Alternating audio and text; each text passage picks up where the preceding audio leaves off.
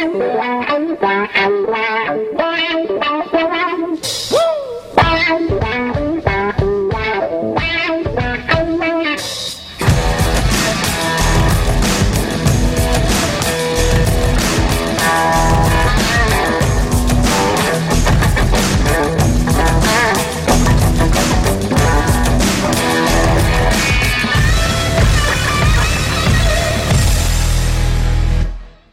Oké jongens, welkom bij een eh, nieuwe aflevering van eh, Eindbazen. En eh, vandaag hebben we een, een hele specifieke eindbaas in de, in de studio. Eh, vooral gerelateerd in het, eh, ja, aan de vechtsport. En een, eh, een van de bekendste gezichten. En ik denk ook eh, iemand die waarschijnlijk het vaakst in de ring heeft gestaan van, eh, van iedereen. en dat is de derde man, eh, Marco Broersen. En eh, welkom Marco, tof dat je hier bent. Goedemorgen. En, Goedemorgen. Ik denk eh, voor, de, voor de mensen die jou eh, eh, niet kennen, en dat zullen er best wel wat zijn buiten het vechtsportwereldje. Ehm, kan je een kleine introductie doen over jezelf? Ja, dat gaat wel lukken. Ik ben Marco Broers. Ik ben eh 46 jaar inmiddels. Grote hobby, kickboksen, Muay Thai, eh, K1 eh, MMA. In dagelijks leven samenwonend. Met een vrouw en vier katten. In het dagelijks leven werkzaam als eh, manager eh, trucking. Eh, bij een bedrijf gespecialiseerd in het vervoer van gevaarlijke stoffen over de weg. met een boot of met de trein.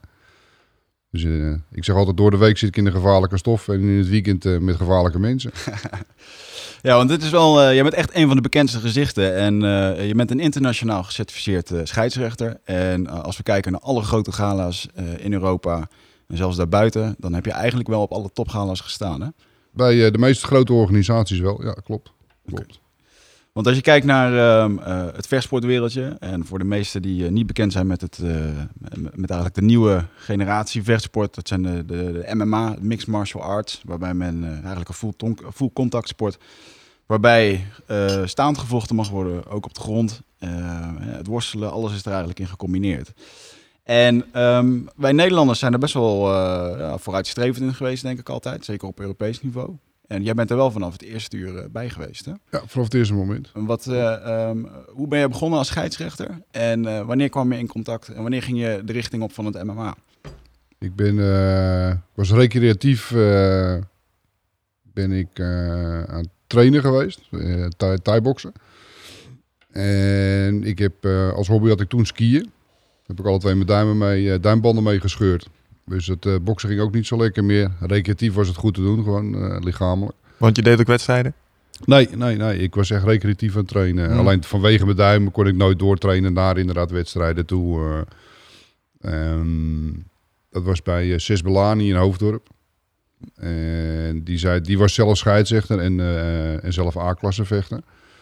En die heeft toen gezegd van, joh, ze geven bij uh, Sakariki, gaan ze een opleiding geven voor uh, scheidsrechter en juryleden. Nou, ik bezocht wel eens gala's en daar moest ik voor betalen. Ik denk, nou, lijkt me wel leuk uh, om jurylid. Ik zeg, ah, ik zit uh, nog dichterbij dan de VIP Mm. en het kost me niks. Ja. En misschien levert het misschien nog wel wat op. Uh, ik zeg, nou, win-win- win-win-win situatie. uh. Dus ik ben die opleiding gaan doen, doen uh, bij, uh, bij Sakariki op de Van Halstraat in Amsterdam. En uh, was Shakariki daar een, uh, een voorloper in? Omdat daar, daar is ook een hoop geschiedenis voor de Nederlandse kickboxwereld ontstaan. Ja, er waren, er waren toen de tijd twee, uh, twee bonden in Nederland. Dat was de NKBB en de MTBN. De MTBN-tak zat via Tom Haring, was dat inderdaad bij, bij Sakariki. van daaruit werd de opleiding verzorgd. eh. Ja. Hey, en um, toen, uh, toen ging je dat doen. Toen deed je je eerste cursus. Hoe zag die cursus eruit? In, de, de cursussen waren in toen de tijd nog, uh, ik dacht uit mijn hoofd inderdaad dat het uh, vier zaterdagen waren. Waarin je een stuk theorie kreeg, een stuk praktijk kreeg. Voornamelijk gericht op het jureren en een stukje scheidsrechter. was er ook altijd voor iedereen bij. Het was een gecombineerde, gecombineerde opleiding, jury en scheidsrechter. En dat was vier weken. En dan maar zeggen, de vierde week, uh, de vierde zaterdag, was er smiddags uh, een examen. Waarin een uh, examencommissie zat. Gewoon om te kijken van, joh, uh, hoe doe je je theorie en hoe doe je je praktijk. Dus iedereen moest dat ook gewoon doen. Mm. Ja. En, en dat was moest... wel voor een specifieke bond dit, hè? Ja, dat was voor de MTBN. Ja, ja want ik denk dat een boel mensen niet realiseren dat je per bond... Er zijn er best nog wel wat variaties in de regels. Wat mag, wat ja, niet mag. Klopt. Groot, is dat niet ongelooflijk lastig? Omdat tussen Toen de tijd niet, omdat er maar twee bonden waren. En het ja. was alleen Thai. Van MMA had nog nooit iemand gehoord. Kain was helemaal nog niet opgezet. Ja, dus dat echt het Muay kickboksen was het toen. Ja. Maar dat was toen. En nu? Uh, ja, nu is het heel anders. Hoe verschillende bonden heb je? Ik, ik, ik denk dat ik er zo, uh, zo, zo 15 in Nederland op kan noemen voor, uh, voor het Muay Thai en het kickboksen. Die, die hebben allemaal weer ergens een regeltje erbij staan. En of het überhaupt nog voor MMA zeker. Mm. Dat er dan nog regels op papier zouden staan. Ik denk niet eens dat sommige bonden het hebben. Wat is de reden dat, ehm, denk jij in eerste instantie, dat er zoveel verschillende bonden opgericht zijn? ja, iedereen wil het in zijn eigen beheer houden. De een wil met ellebogen vechten, de ander wil zonder ellebogen vechten. Ik, ik huur een bond in, dan krijg ik uh, regels, krijg ik, geforceerd krijg ik door. Hè? Want op die regels vecht je en anders kan je niet op deze bond vechten. Mhm. En um, op het moment dat iemand daar niet mee eens is en zegt van ja, nou, ik, regel maar, ik wil dit reglement wel. Ik heb mijn eigen officials, de bekende mensen om me heen. Eh, ik richt een bond op en uh, ja, in Nederland kan dat. En je kan met je eigen mensen daarin ja. uh, verder. En wat vind je trouwens van het verschil tussen sommige regels? Want je zegt sommige willen met ellebogen vechten. Zijn er, um, vroeger toen je naar Pride keek, had je soccer kicks, voetstamps. Zat ik soms wel eens naar te kijken en dacht ik echt van, oh shit, dat ze dit toestaan. Heb je wel eens uh, met regels uh, gescheidst waarvan je dacht van, Jezus Christus, dat... Maar even voor het publiek, wat is een, uh, mag je uitleggen wat een sokkerkick is? ja, goeie, is een goeie. een sokkerkick is waarbij je tegenstander op de grond ligt. je bent in het, van het staande gevecht is er iemand op de grond beland. Jij staat nog en um, op een of andere manier weet je, een beetje zoals een voetbal, weet je het hoofd van je tegenstander te raken met een schop. Dat is de reden waarom ze het een soccerkick Een soccerkick, inderdaad. Een penalty. En uh, als je kijkt naar um, uh, vechtsporten en hoe ze overkomen op het brede publiek, kan ik me echt voorstellen dat mensen als ze dat zien, dat ze volledig afhaken. Want zelfs ik als fan van de sport denk daarbij van, jeetje, dit ja. ziet er echt erg heel gruwelijk uit. Bars. Als je, teruggaat, ja. als je teruggaat naar het echte, waar het MMA eigenlijk vandaan komt, en dat is Brazilië, waar het Valatudo heet, en wat de Portugees voor uh, alles, alles mag. mag. Mm -hmm. Um, daar, zijn, ja, daar waren de gevechten gewoon anders. Geen gewichtsklassen, um, geen tijdlimieten. Gevechten van drie uur waren daar geen uitzondering. Nee. Die verhalen zijn er. En het gevecht wordt in één keer heel anders als er geen regels zijn. En dat is natuurlijk wel zo. Uh, en zeker met, uh, met sokkenkicks en, en, en dat soort dingen mm. maken het spelletje wel, uh, moet ik zeggen, spectaculairder. maar inderdaad, als het gaat om als je een sport wil promoten ja, dan is het misschien niet het allerbeste om het zo bij te Ja, en denk aan de bescherming van de vechters. Hè. Maar dat is op zich wel een heel interessant... Dat is ook, ook het niveau hè, waar het in is. Hè. In Pride stonden absolute pro-jongens stonden daar. Die inderdaad de Valatudo-regels hebben gevochten. Hè. Dat mm. is over, overleven is dat. Die, die ja. weet hoe ze dat moeten dekken. Maar hoe moet ik iemand die in Nederland denkt van... nou, ik ben een grote jongen... Hoe, eh, maar hij heeft op een training nog nooit getraind om zijn hoofd te dekken op een trap. Mm. Op, dan kan het fataal aflopen zoiets. Ja, uh. ja. Ja, want je moet de vechters in bescherming nemen. In dat dat is de eerste prioriteit voor een scheidsrechter. Ja. Is de veiligheid van de vechters. Klopt. Ja, en de vraag was eigenlijk: eh, zijn er regelsets waarvan jij als scheidsrechter vindt van. Hm, nou, dit gaat me wel erg ver. Ik, ik heb altijd gezegd van, joh, uh, vroeger had je in Rusland te gaan als uh, zonder regels inderdaad. Mm. ja, zonder regels heb je geen scheidsrechter nodig. Dan moet je, uh, moet je ambulancepersoneel op de achtergrond hebben. Ja. waarom zou je daar een scheidsrechter tussen voorzetten? Ja. Ertussen zitten. ik heb één keer heb ik in Nederland in Emmen gescheidsrechter op een gala op uh, moeiboerderregels. Dat, dat, is het originele thai-boksen eigenlijk. Veel met ellebogen, denk ik. Is, nee, dat is zonder handschoenen. Oh. Dat is alleen met een zwachtel. Ja. ja zoals men wel uh, de film Kickboxer kent inderdaad met, Jean met Van Damme. Dat hij uh, zijn zwachtels mm. in uh, glas doet. Nou, dat glas werd nu weggelaten, maar alleen zwachtels. Gelukkig. Maar op het moment dat, dat iemand dus een stoot naar het hoofd geeft... Ja, dan, dan hoor je echt dat, dat uh, ja, bot op bot geluid hoor je. En dat is een heel naar geluid om dat, om dat te horen, zeg maar. Dat kan ik me voorstellen. Maar dat is wel interessant, want in Amerika gaat er nu een discussie over of vechten met of zonder handschoenen. Of dat nou wel of niet beter is voor de vechter, omdat het idee is dat als je van die grote handschoenen aan hebt, hè, dat is ook een beetje het idee met die K1-boxers, die krijgen best wel veel te verduren op het hoofd. En dat duurt allemaal langer omdat je van die grote handschoenen aan hebt. Want als diezelfde klappen werden uitgedeeld zonder handschoenen, was het gevecht waarschijnlijk veel eerder over geweest. Maar dat is en heb je dus minder trauma was het idee. Ja, ik ben geen arts, maar uh, het kan mij, kan mij niet voorstellen. Nou, ja, maar ik kan mij niet voorstellen dat het beter zou zijn dan, uh, dan Hansos. Ja, ja, ja. Plus, ik denk dat het een heel erg verschilt met uh, sneeën bij, het, bij de wenkbrauwen. Ja, absoluut. Ik bedoel, binnen de kortste keren zitten er inderdaad bloeduitstortingen open en dat soort dingen. Ja, dat is geen sport meer. Kijk, een elleboog moet je nog zien te plaatsen. Dat kan je nog verdedigen. Maar op het moment dat je handen al onbeschermd zijn, ja, dan ja. dat is het enige dat ik denk van, oeh, Waar gaat dit heen? En dat is helemaal begonnen uit een hobby bij jou. En wanneer had je ja. niet het idee dat het, uh, uh, dat het in de lift kwam? Want op een gegeven moment kregen we de grote gala's in Haarlem. van Simon Ruts, die begon zijn eerste dingen te organiseren. Mm.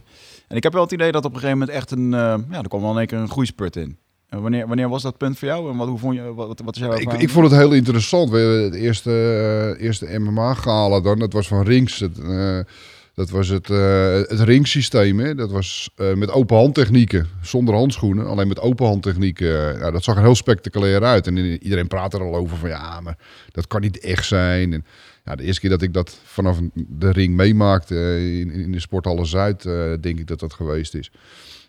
of in de Edehal. En die, ehm, als je dan naar de, je weet niet wat je ziet. Op het moment dat iemand, ja, wij noemen het tegenwoordig een bitchlap. Maar dat kwam echt hard aan. Ik bedoel, je denkt van ja, ja. je kende het niet. Ik bedoel, judo ken je. Uh, uh, het showworstelen, dat kende je. Ja, free fight, ja, free fight. Ja, wat houdt dat in dan? ja, als je dan zo dichterop zit en het gaat zo hard. En je denkt, mhm. wow. Ja, als je kijkt naar zo'n partij, zo'n, wat op een van die galas is gevochten van zo'n een Bob Schrijver tegen een Motti Horenstein. Nou, het waren echt wel wangvledders, zoals Bob mm. Schrijver het zelf benoemde. die je echt op door hoorde dreunen inderdaad, ja. Um, als je nou kijkt naar die eerste gala's, hè, want volgens mij was dat inderdaad Jaap Ede. Jaap Edehal en, uh, ja, Edehal en uh, Sporthalle Zuid. Sporthalle Zuid inderdaad. Want daar uh, begon Chris Dolman en Milko Lambrecht. Die hebben daar de eerste ringsgala's georganiseerd. En vanaf daar ben jij daar vast in dienst gekomen als Nee, ik heb nooit voor, voor rings gescheid, zegt het. ik, ik, ik zat vanuit de MTBN. Hè. Ik zat nog steeds bij een bond aangesloten die het Muay Thai en kickboksen deed. En toen zaten we een keer op een gala ergens in het noorden van het land. En toen was het in één keer van ja, we gaan ook een free fight partij gaan we daarbij houden. Wie was daar de eerste mee? Wie kwam daar als eerste mee? Uh, dat was volgens mij een jongen van Martijn de Jong die daar geplaatst wordt, uh, was. Ik heb me niet meer, niet meer het gala van naar voren halen waar dat was. In de buurt van Groningen ergens. En het was een jongen van Martijn de Jong tegen een ander. En ehm, die jongen die, die, die belandt ook na een stoot op de jurytafel, zeg maar. Omdat je in een ring staat. En ja, die ringtouwen die zijn voor Muay vechters gemaakt. En niet om... Uh, mensen te gooien. Om mensen te gooien. En die viel uh, vrij akelig uh, op, op de tafel, op de jurytafel, van de jurytafel op de grond. En die, ja, die moest eigenlijk de strijd staken doordat hij een rugblessure had, doordat hij de ring uitgevallen was. Ja. Het is eigenlijk best wel vaak gezien dat er, er staan allemaal van die trofeeën met van die schermpunten. Dat is echt wel ieder gala wel een keer gebeurd dat iemand daar uh, half op belandde, inderdaad. Ik heb zelf ook wel eens bij een galaatje een uh, verslag zitten tikken dat er iemand tussen de ringtouwen doorflikte, uh, 20 centimeter met zijn hoofd naast mijn laptop. Wat een goed argument is volgens mij voor toch kooien. Ik bedoel, ze, zien, er, ze zien er in dat opzicht iets ja. barbaarser uit, is dan uh, de publiek, publieke mening. Maar eigenlijk zijn ze veiliger voor de atleten. 100% veiliger. Ja. We hebben nu in, uh, in Rusland hebben we dan een, een mix daarvan. Hè? Een, uh, de rage noemen ze dat. De rage. Een mix van een uh, kooi en een ring. Oh. Dus het ondergedeelte is kooi en daarboven zijn drinktuigen. Echt? Ja. Dat mensen niet... Uh, ja, die, die, die touwen onderin, dat deden ze in Brazilië op een gegeven moment ook wel. Omdat uh, vechters uh, probeerden te vluchten om uit, om uit de ring te komen. Ja. En ik weet dat Tour Hendel op een gegeven moment in het grote gala, die hebben dat... met netten. Ja, met net ook. Hè? Met ja. waarom Dekkers toen volgens mij zijn afscheid. Klopt. En dat, ja, daar gingen vechten met een hoofd onder, waardoor ze op hun hoofd niet meer bereikbaar waren om te stoten, zeg maar. Dus ja, dat ja, niet echt de oplossing. Ja, want ik kan me, ik kan me wel voorstellen dat uh, de, de, de eerste ringssystemen waren inderdaad met, met de rope escapes. En dat is nu niet, meer, uh, nu niet meer te bedenken. Maar destijds was het zo dat als je op de grond kwam en iemand had jou in een klem, maar je pakte een touw vast, dan uh, mocht je weer staan beginnen. Toen, toen, toen hadden we al regels. Hè. Het was in, inmiddels was de IMA opgericht, ja, de Mixed Fight Association, mm -hmm. met Ino en, en Appie. Um, en die hebben toen een systeem neergezet met rope escapes en uh, downs inderdaad. Uh, dat op het moment dat jij in een verwurging lag, dat jij een, uh, onder zijn touw kon pakken met je voet of met je hand, waardoor de scheidsrechter de boel onderbrak. Jij kreeg een minpunt, maar de partij ging gewoon verder. Mm -hmm. Maar zijn, zijn dat regels die desnoods klakkeloos zijn overgenomen van het Japanse systeem, of is het opgezet voor de Nederlandse markt? Nee, voor de Nederlandse markt opgezet. Meer staande jongens natuurlijk, ja. hè? Ja. Omdat Nederlanders, voor de mensen die niet weten, Nederlanders zijn nogal dominant in het thai-boxen en in het staandvechten. En uh, uh, ik als fanatiek grondvechter uh, moest altijd een beetje op mijn, mijn, tanden bijten als er weer een, ja, een, een, een, hoe noem je dat? Een fluitkoor. Voor grondwerk, ja. ja, ja, ja, ja, ja, Mensen snappen het niet. Ze denken twee mannen die op elkaar liggen. Ja, het ziet er ook vreemd uit als je dat voor het eerst ziet. Je hebt het nu over het worstelen, als het grondgevecht, het grondgevecht inderdaad, ja. En dat, dat kon heel veel mensen niet waarderen. En natuurlijk, als het gaat om het spectaculair zijn, ja, dan zien mensen liever twee hakkende... Mm. Nou ja, eh, inmiddels is dat wel veranderd. Maar zeker in het begin, een, een vol ahoy gehad inderdaad met de partij van, uh, ik heb mijn hoofd zeg ik, Sim Schilter en een Russisch Olympisch worstelen. Ja. ja, waar het publiek gewoon echt tien minuten heeft zitten fluiten gewoon. Uh, Ja, Dat, ja, men weet niet wat er gebeurt. Maar Nederland was het staande gevecht gewend. Uh, dat is ook een van de redenen waarom in het begin bij Rings bijvoorbeeld die 30 seconden regel bestond. Na 30 seconden. Maar dat had je ook nog, ja. Dat inderdaad dat een partij altijd afgebroken Oh ja. werd op de grond. Nou, ja, Dus al lig jij na, na 25 seconden in, in een uitzichtlogische positie voor een armklem. Ja. Ja, eh, en zit jij dicht tegen een, eh, een opgave aan. Op het moment dat het 30 seconden was, ging er, werd er gebeld. En dan ging je altijd slaan. Ja, ja, dat is echt puur wel, voor de eh, Nederlandse markt zo opgezet. Dat is wel echt, eh laatst eh, las ik een, of, eh, hoorde ik een interview met eh Rickson Gracie. Natuurlijk de man die ongeslagen is in het hele Vallatudo destijds. Echt een van de grondleggers erin. En die zei ook van, joh, vandaag de dag is het niet meer hetzelfde als vroeger. Je hebt gewoon zo ontzettend veel regels met tijd. En dat verandert het vecht, het echte gevecht zodanig dat je echt met een strategie erin kan gaan. Als je weet dat je maar 30 seconden hoeft te liggen, ja, dan kun je, je hebt het Ja. vaak genoeg. Je ziet het op de video's, de oude banden. Mensen houden een hand dicht bij zich, eh, ze rollen snel even om. En, eh, ja, weet je, dat is eh, hartstikke moeilijk om dat te doen. Maar ik kan me ook voorstellen dat het als scheidsrechter ook best wel hoofdpijn kan veroorzaken. Want ehm, het is allemaal heel erg op het randje, eh, met tijd, eh, met touwen pakken, met beslissingen maken. Hoe heb je dat Ja, dit, dit, ik, ik, vond het, ik heb het vanaf het begin eh, eh, voor mezelf prettig. Ja, op het moment van ja, ik heb geen ervaring als staande scheidsrechter van een staande sport, full contact sport met een grondgevecht. Dus op het moment dat iemand in een armklem ligt, ja, wanneer zegt die arm of knak? Ja, of wanneer gaat iemand af te, af afkloppen? Ja, met, door middel van afkloppen, dan, eh, dan geef je op. In feite, dus het is een opgave. Ja. Dat, eh, ja, waar, waar ligt die grens? Wanneer moet jij die vechter gaan beschermen? Want waar jij voor staat. Ja, op het moment dat jij dat nog nooit gedaan hebt met de full contact op de grond, was het wel makkelijk van ja, als, die, als ik zeg stop Ja. en die vechter staat op en die zegt van ja, waarom stop je? Ik zeg ja, maar ik zag je arm, zag ik eh, helemaal dubbel staan, zowat. eh, en ik was bang dat die ging breken. Ja. Dan wordt dat niet geaccepteerd natuurlijk. Die zeggen van ja, laat mij dat zelf bepalen hoeveel ik dat kan doen. Nou, het was een mooi toeltje in feite voor jezelf. Hij pakt toch het touw.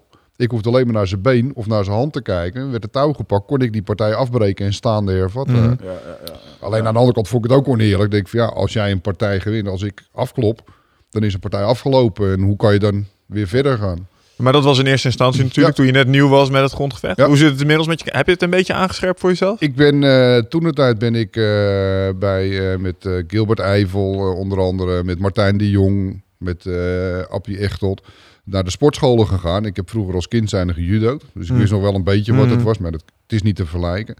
Ben ik gewoon eh, met trainingen mee gaan doen. Goed man. Uh, scheidsrechterseminars. eh ik heb met, eh, met, met trainingen met, met full pro's heb ik eh, meegetraind. eh, ja, om puur aan te voelen van hoe voelt het nou? Ja, op het moment Ja. dat ik met een jongetje, met- ja, ik weeg zelf 100 kilo. Op het moment dat ik eh, met iemand van 60 kilo op de grond aan het rollen ben, Mm. kan ik hem met mijn gewicht onder controle houden. Maar meestal na 20 seconden lag ik toch wel weer onderop en dan wist ik niet waar ik mijn hand moest staan om af te tikken. maar ja, je moet voelen als scheidsrechter, je moet weten van joh, hoe voelt het dan die armklem? Wanneer zit een armklem wel, wanneer zit hij niet? Ja, op het moment dat je zoveel partijen doet, Ja. krijg je daar wel ervaring. Maar Ja. je moet het zelf ook voelen. Klopt. En, en nog steeds doe ik Hoeveel dat. partijen heb je ondertussen op je naam staan? Heb je dat ooit bijgehouden? Nee, ik heb het nooit bijgehouden. Ik, eh, ik, ik zeg altijd van joh, eh, Muay Thai K1 partijen die ja, moeilijk te tellen. 2, 3, 4, 5000. Ik heb geen idee. Meest in de ring gestaan van iedereen in Nederland. Nee, ja, natuurlijk. Ik bedoel, vroeger had je galas inderdaad. Als je op een gemiddeld gala 30 partijen had, stonden met twee scheidsrechters. Ja. Op vrij- vrijdag en zaterdag had je een gala in Nederland. hè. Nou, dan deed je 30, 40 partijen in een weekend. ja. Ja, dan gaat het snel. Ja, kunnen promotors dat alsjeblieft nooit meer doen? Gala's met 30 partijen, alsjeblieft. Niemand zit erop te wachten. Nee, ja, Je bent ook niet scherp meer hè, Nee. vanavond. Kan niet. Kan niet. Nee, maar ja, ik weet hoe het gaat. Dan, hebben ze, eh, dan organiseren ze zelf een galaatje. Dan hebben ze nog een paar van die jonkies rondlopen. Nou, dan laten we die een middagprogramma doen. Dan heb je al Ja. acht partijen staan. En vervolgens nog een keer twintig. eh, ja. Maar hu- huur dan twee official ploegen in, inderdaad. eh dubbele bemanning. En zeker de Thai-box partijen die vaak op beslissing eruit gaan. Zeker eh, tot de B-klasse, weet je wel. Mm. B-klasse Alles altijd wordt sneller. uitgevochten. Maar eh, eh, over het algemeen, eh MMA gaat gaan het lekker vlot. Dat is wel... eh, Kan, ja. kan vlot lopen, maar daar heb ik Ja. ook wel uitgegaan. 18 partijen MMA is ook weer erg veel om te doen. Want als Ja. ze allemaal wel uitgevochten worden, wordt het ook nog Maar het is denk ik, ik denk dat het ook onderschat wordt hoe vermoeiend het is om zelf zo'n partij als scheids zeg maar mee te Nou, draaien. Je beweegt kreeg- ook veel. Daar kreeg ik het respect, respect voor van vechters. Dat ik denk van ja jongens, op het grondgevecht, zo hoe snel je verzuurt als vechter. Ja, Maar als scheidsrechter daaromheen, ja, hoe vermoeiend het is om voornamelijk mentaal, ik, bedoel, Mhm. ik, ik ben altijd bij, ik, ik Ja. ben gezegend met een paar goede hersens, eh, maar om mentaal bij te blijven. En op het moment dat jij 20 partijen staat te scheidsrechteren en zo close ergens bij bent, zeker Ja. bij het MMA, ja, eh, Dat, je gewoon, dat ik na afloop van een gala gewoon mentaal leeg ben. F- Ja. Fysiek valt het nog wel mee. Terwijl ik fysiek er dicht op zit en ook snel ingrijp en ook fysiek ingrijp. Ja. Maar dat gaat wel weer weg. Ik heb wel eens verzuurde benen Ik hoor, het, ik hoor het al. We gaan een potje Alphabrain sturen. Want, ja. Het straks nog over hebben. Ja. Maar het is wel zo dat ik uh, ook... Ik heb gejureerd wel een paar keer. En uh, dat net wat je zegt. Dat op een gegeven moment dan uh, komt partij nummer 30 voorbij. En je moet oppassen dat je niet op een gegeven moment gewoon mee zit te kijken. Maar je bent aan het jureren, ja. weet je wel. Dus, nee, gaat anders. Klopt. Dus ik deed dit altijd gewoon voor mezelf. Dan stoten, takedowns. Ik probeerde er toch bij te houden met, met pennetjes en dingetjes. En om een soort van richtlijn te houden om daar scherp op te blijven. Want ja, ik heb wel eens... Ja, ook bij andere gala's gekeken naar juryleden wat die eigenlijk aan het doen waren tijdens, een, uh, uh, tijdens zo'n wedstrijd. Ja, dat had niet altijd met die wedstrijd te maken. Nee, nou, maar dat wil ik eigenlijk wel eens weten. Want um, ik heb me altijd afgevraagd hoe dat zit met het beoordelen van het grondwerk, weet ik. Ik weet dat je posities beoordeelt met punten. Alleen het staande werk werd altijd met uh, 18, 19, tenminste waar ik dat wel eens van dichtbij heb gezien, werd het op die manier beoordeeld. Maar dat lijkt mij niet meer als een onderbuikgevoel dat je hebt op basis van wat je hebt gezien. Of tel je ook echt low kicks die doorkomen, stoten die doorkomen. In principe is elke stoot, is, uh, elke hit is een, uh, is, is, een punt. Mm. Um, net zoals de sport geëvalueerd is, is, is ook het jureren daarvan geëvalueerd. En ik heb samen met Ino in Rusland, dat, daar werk je dus met juryleden waar je niet mee kan communiceren. Die praten geen Engels, die praten Russisch. Mm -hmm. Dus hoe ga je nou, die jongen die schrijft, het is ook een 10-9 systeem in het MMA per ronde. Maar hoe, hoe, ga je nou controleren waarop die jongen die score gebaseerd heeft? Ja, als jij een staand jurylid bent, dan ga je het staande ga jij beoordelen en niet het grondgevecht. Nee. En da daar hebben wij een, uh, een systeempje in ontwikkeld. Uh, ja, uh, waarin ik het, het oude Pride-systeem als... en Pride is een van de eerste grote organisaties wereldwijd op. Mm. Waar hun het op baseerden. En het eerste is uh, effort to finish the fight. Dus of jij nou staand of op de grond bezig bent, als jij staand iemand een paar stoten, uh, een paar stoten geeft of in een hoek drijft, hoef je nog geen effort to finish the fight te hebben. Op het moment dat jij iemand echt een hoek indrijft en je blijft door, je wilt die knock-out hebben. Agressie. Ja. Agressie is effort to finish the fight. Dat is de hoogste score die iemand moet geven. Op de grond uh, kan je dat vergelijken met, uh, ja, ik wil die arm wil ik hebben en ik probeer die armklem aan te zetten. Ja, ja uh, een catch dat je zegt van, nou goed, hij, hij, is bijna verslagen door middel van die actie. Dat is effort to finish the fight. Dat is het hoogste punt wat je kan scoren ja. in een MMA-partij. Vind je trouwens terecht dat catches worden beoordeeld met punten of niet? Heb ik als mensen ook nou, van, vind, ja, nee. Ik vind voor een amateursysteem vind ik het wel, wel goed, net zoals in het Shoto. Mm. Vind ik het een goede zaak, want je weet op basis van wat je een partij kan gaan winnen. Je weet als ik in iemand zijn guard blijf liggen, kan ik stoten wat ik wil, dan win ik die partij niet mee. Nee. Ja, ik mag niet naar, het is geen ground and pound, het is alleen naar het lichaam. Nou, ik submit niet iemand met stoten op het lichaam.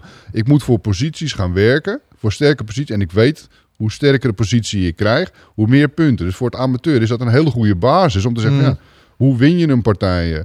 Alleen op uh, pro-gebied, dan ga je ook wel kijken, want dan heb je het met controle te maken. Alleen dan ga je niet per positie die punten geven. Ja. Tenzij het echt super close is, dan is het goed om dat soort dingen, dat deed ik altijd, om het bij te houden. Als er dan toch een soort van catch was.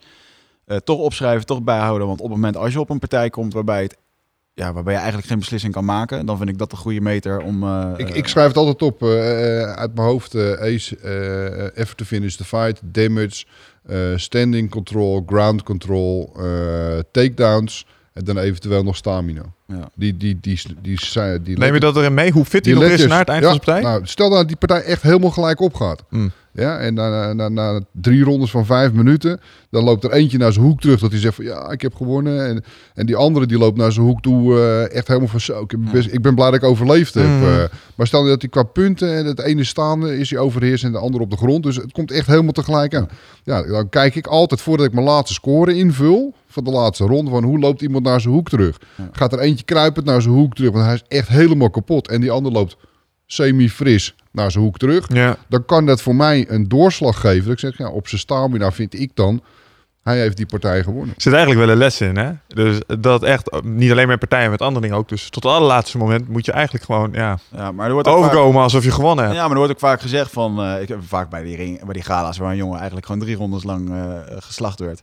Eh, en dan was het, ging de bel en dan eh, hoorde je zijn hoek gelijk... Handen omhoog, handen omhoog. Ja, ja, ja, ja, precies.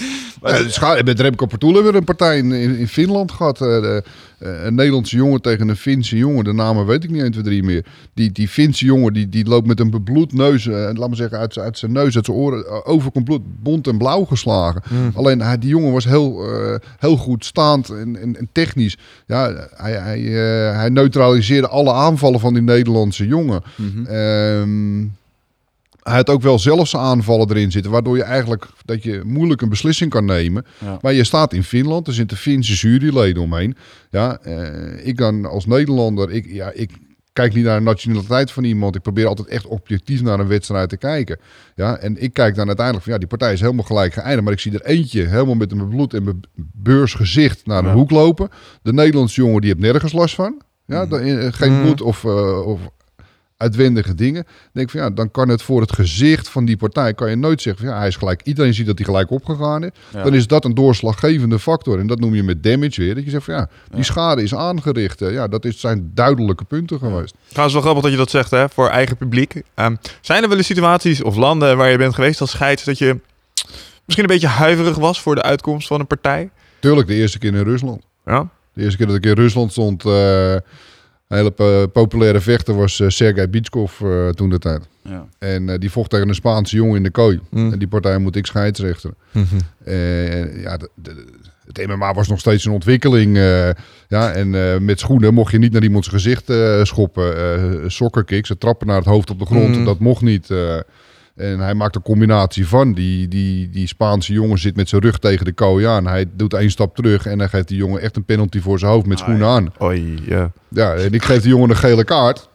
Dan denk ik, ja, hier, nu, eh, zoveel jaar later, te praten over 2001 in Rusland. Eh, nu, 13 jaar later, zou je ogenblikkelijk een disqualificatie doen. Ja. Nou, dat, het kan niet, punt, klaar. Eh, ja. Dat wordt gedisqualificatie disqualificatie volgt. Ik geef hem daar alleen de gele kaart, dus een openbare waarschuwing. En het publiek gaat gewoon fluiten. ja. Die gaat gewoon naar mij fluiten van, ja, wat doe jij nou? Kan Ja. Hun waren toen de tijd de gevechten gewend, alles mag. Ja. Dus ja, moeilijk eh, dat jij denkt van wow, wat doet hij? Waar ben ik in beland? Eh, ik moet hem die kaart geven, want ja, dat kan ik niet ten opzichte van zijn tegenstander, kan ik dat niet doen. Ja. Ja, en eh, het publiek gaat fluiten, dat je ook wel even denkt van wow, stap ik zo meteen de koning en stel nou dat die partij uitgevochten gaat worden en hij verliest door die gele kaart verliest hij die partij. En ik denk van nou, dan moet ik even kijken waar ik lopen ga. Ja, ja, ja. Dus ja, dat zijn wel momenten dat je denkt van hm, Want daar heb je ook wel vaak mee te maken natuurlijk. Met, eh, je hebt over heel de wereld gescheidst. En dan heb je ook te maken met verschillende soorten publiek. Ja. En daar zit echt wel heel erg verschil in. Dat, eh, eh, nou, net wat je zegt, in Rusland kan het wel intimiderend overkomen. Eh, in één keer komen er andere regels. Mensen begrijpen het niet. In Nederland snapte niemand iets van het grondvechten. En dan werd iedereen boer geroepen. Ja. En in Japan is iedereen muisstil en lopen ze te klappen voor elke... Voor Elke eh, wat, is, wat, is, wat is het beste publiek? Wat heb je het beste ervaren? Ik, eh, ehm, in, in eh, nu, Rusland en in Duitsland, super sportief publiek. Op het moment dat er een actie, goede actie geplaatst wordt of gemaakt wordt, dan is het publiek enthousiast. Of het nou de thuisvechter is of de uitvechter is, dan wordt het, men, men begrijpt naar de sport. En of het nou eh, een Rus is tegen een Amerikaan en de Amerikaan maakt een goede actie, wordt ervoor geklapt en andersom. Je hoort het boegeroep hoor je niet meer. eh, Ja, maar dat is vandaag de dag. Hè? Dat is, dat, dat, dat, wanneer tien jaar geleden was dat ook niet, totaal eh, anders. het geval. Want ik denk dat tien jaar geleden eh, de eerste galaatjes in, in Duitsland, ja, dat was ook helemaal niks. Dat was gewoon underground. Mm. Ja, wat je zegt, underground. Dat, Ja, dat er gewoon- zat geen lijn in. Maar toen ook, de, je wist ook niet wat voor regels er gevochten werd. Ik, Nee. bedoel, eh, ik, ik weet, weet voorbeelden van, van, van verhalen van mensen die, die komen van ja, tussen de rondes in worden de regels worden er nog even veranderd. Ja. Ja, dat kan niet. Ten voordele van de lokale vechter. Ik, ik, ik, ik draai al twintig jaar mee en, en daarvan doe ik 15 jaar eh, MMA erbij. eh. Ja, en eh, op het moment dat ik naar een gala toe ga eh, als eenling zijnde en ik zie al geen bond, dan ga ik naar een promotor toe en zeg ik van joh, op welke regels vecht jij hier? Ja. Ik weet dat, ik wil die over vanaf dag één gedaan. Ik loop naar, de- als het één partij is, loop ik naar de vechters in de kleedkamer en ik deel hun die regels mee. Dus hun weten, als ik die kooi of die ring instap, dan vecht ik op die regels. En dat moet je doen bij MMA. Als er zoveel verschillende regels, zoveel Ja. verschillende bonden in zijn. Ik moet weten als scheidsrechter wat, welke regels moet ik handhaven. Maar ik moet ook zorgen dat de vechters die bij mij in de ring komen. En als dat er twee zijn, hoef ik maar naar twee mensen toe. Maar de eerste grotere galas in Duitsland ook gehad. eh, ik altijd bij de promotor zijn, een half uur voor aanvang. Wil ik dat je een rules meeting neerzet, die geef ik. En ik ga de regels uitleggen. ja. Dan heb je die discussie in de ring, kan je niet krijgen. Wat, eh, ehm, als je kijkt naar de organisatie van gala's, dan heb je natuurlijk ook uh, met uh, 5000 partijen heb je behoorlijk wat meegemaakt. Wat, welke gala is je het meest bijgebleven in, uh, in de mate van, nou laten we zeggen, in slechte vorm? Alles waar fout ging, waar niet aan gedacht was. En, ehm, het, het, het, slechtste gala, het slechtste gala. Het klinkt een beetje negatief. Ik, ben ooit op één gala weggelopen. Ik zal niet zeggen welke. Maar, mm -hmm. ik ben ooit op één gala weggelopen. Uh, daar was geen arts aanwezig. Ja. Geen ringarts. Geen ringarts aanwezig. Die was te duur. Het van, uh, maar het was een amateurgala. Mm. Met een MMA-partij erbij. Maar er was ook één professioneel. Ah, het is maar één professionele partij die erbij zat. Ja. En we hebben een EHBO'er zitten. Ja, nou, die weten En toen heb ik echt gezegd: van, maar luister, maar als er wat gebeurt. Ik zeg, ik kan niet verklaren. Stel dat het tot een rechtszaak komt. Ik weet, ik ben niet aansprakelijk voor. Maar ik, ik heb wel de verantwoording voor. Ik kan niet zeggen, joh ik doe dit af en toe eens een keertje. Ja. Nee. ja en het, uh, er kan niet in een klein hoekje zitten, maar we hebben met een vol contactsport te maken. Ja, ja en uh, ik zeg maar, wie is die EHBO dan? En dat was dan ook weer een kennis van de promotor. En toen zei ik echt letterlijk tegen die jongen, ik zeg, jij bent, ja, ik ben EHBO. Ik zeg, ja, en uh, je rijdt zeker Mercedes en jouw kistje, dat ligt achterin op de hoedenplank. Ja. Ik zeg, met zo'n rood kruisje erop. Ja, ja, ja. Ik zeg, dat is jouw, jou, jouw tools. Dat heb ik ook echt gezegd van, joh, ik scheidsrechter hier niet. Ja, ja verstandig. Nou, nou ja, ik... Ik, ik heb het uh, heel naar voorval gehad. Dan, als je dan over een slechte organisatie hebt, was dat het. Een gala in, uh, in Zeeland. Waar kickboxpartijen waren en MMA-partijen. En dat duurde al, duurde en duurde voordat het begon. En uiteindelijk hadden ze geloof ik vier partijen hadden ze over. Oh. Vier partijen, voor vier of vijf partijen. Hebben ze nog een pauze erin gezet. Maar er zat wel een, eh, een paar honderd man publiek binnen. Ja. En dan ga je al denken van, joh, als het publiek zijn maar rustig houdt. Uh, ja. En waar uh, hm. gecombineerde bonden zaten. Hè. Wij zaten voor het MMA en voor, de, voor het kickboksen zat een andere bond. En daar was een dokter bij. En in de pauze, na twee partijen hebben we de pauze. En na de pauze komt er een MMA-partij. En in de pauze is de dokter weg. Oh. Die dacht van, ja, hierna is alleen nog met MMA. Daar heb ik niks mee te maken. Mm. Nou, daar zitten dus 300 man op de, op de, op de tribune. Ja, er staan vier jongens die willen, moeten vechten. En toen heb ik tegen de jongens ook gezegd, ja jongens, in principe kan dit niet. We hebben geen dokter hier. Ja. Nee.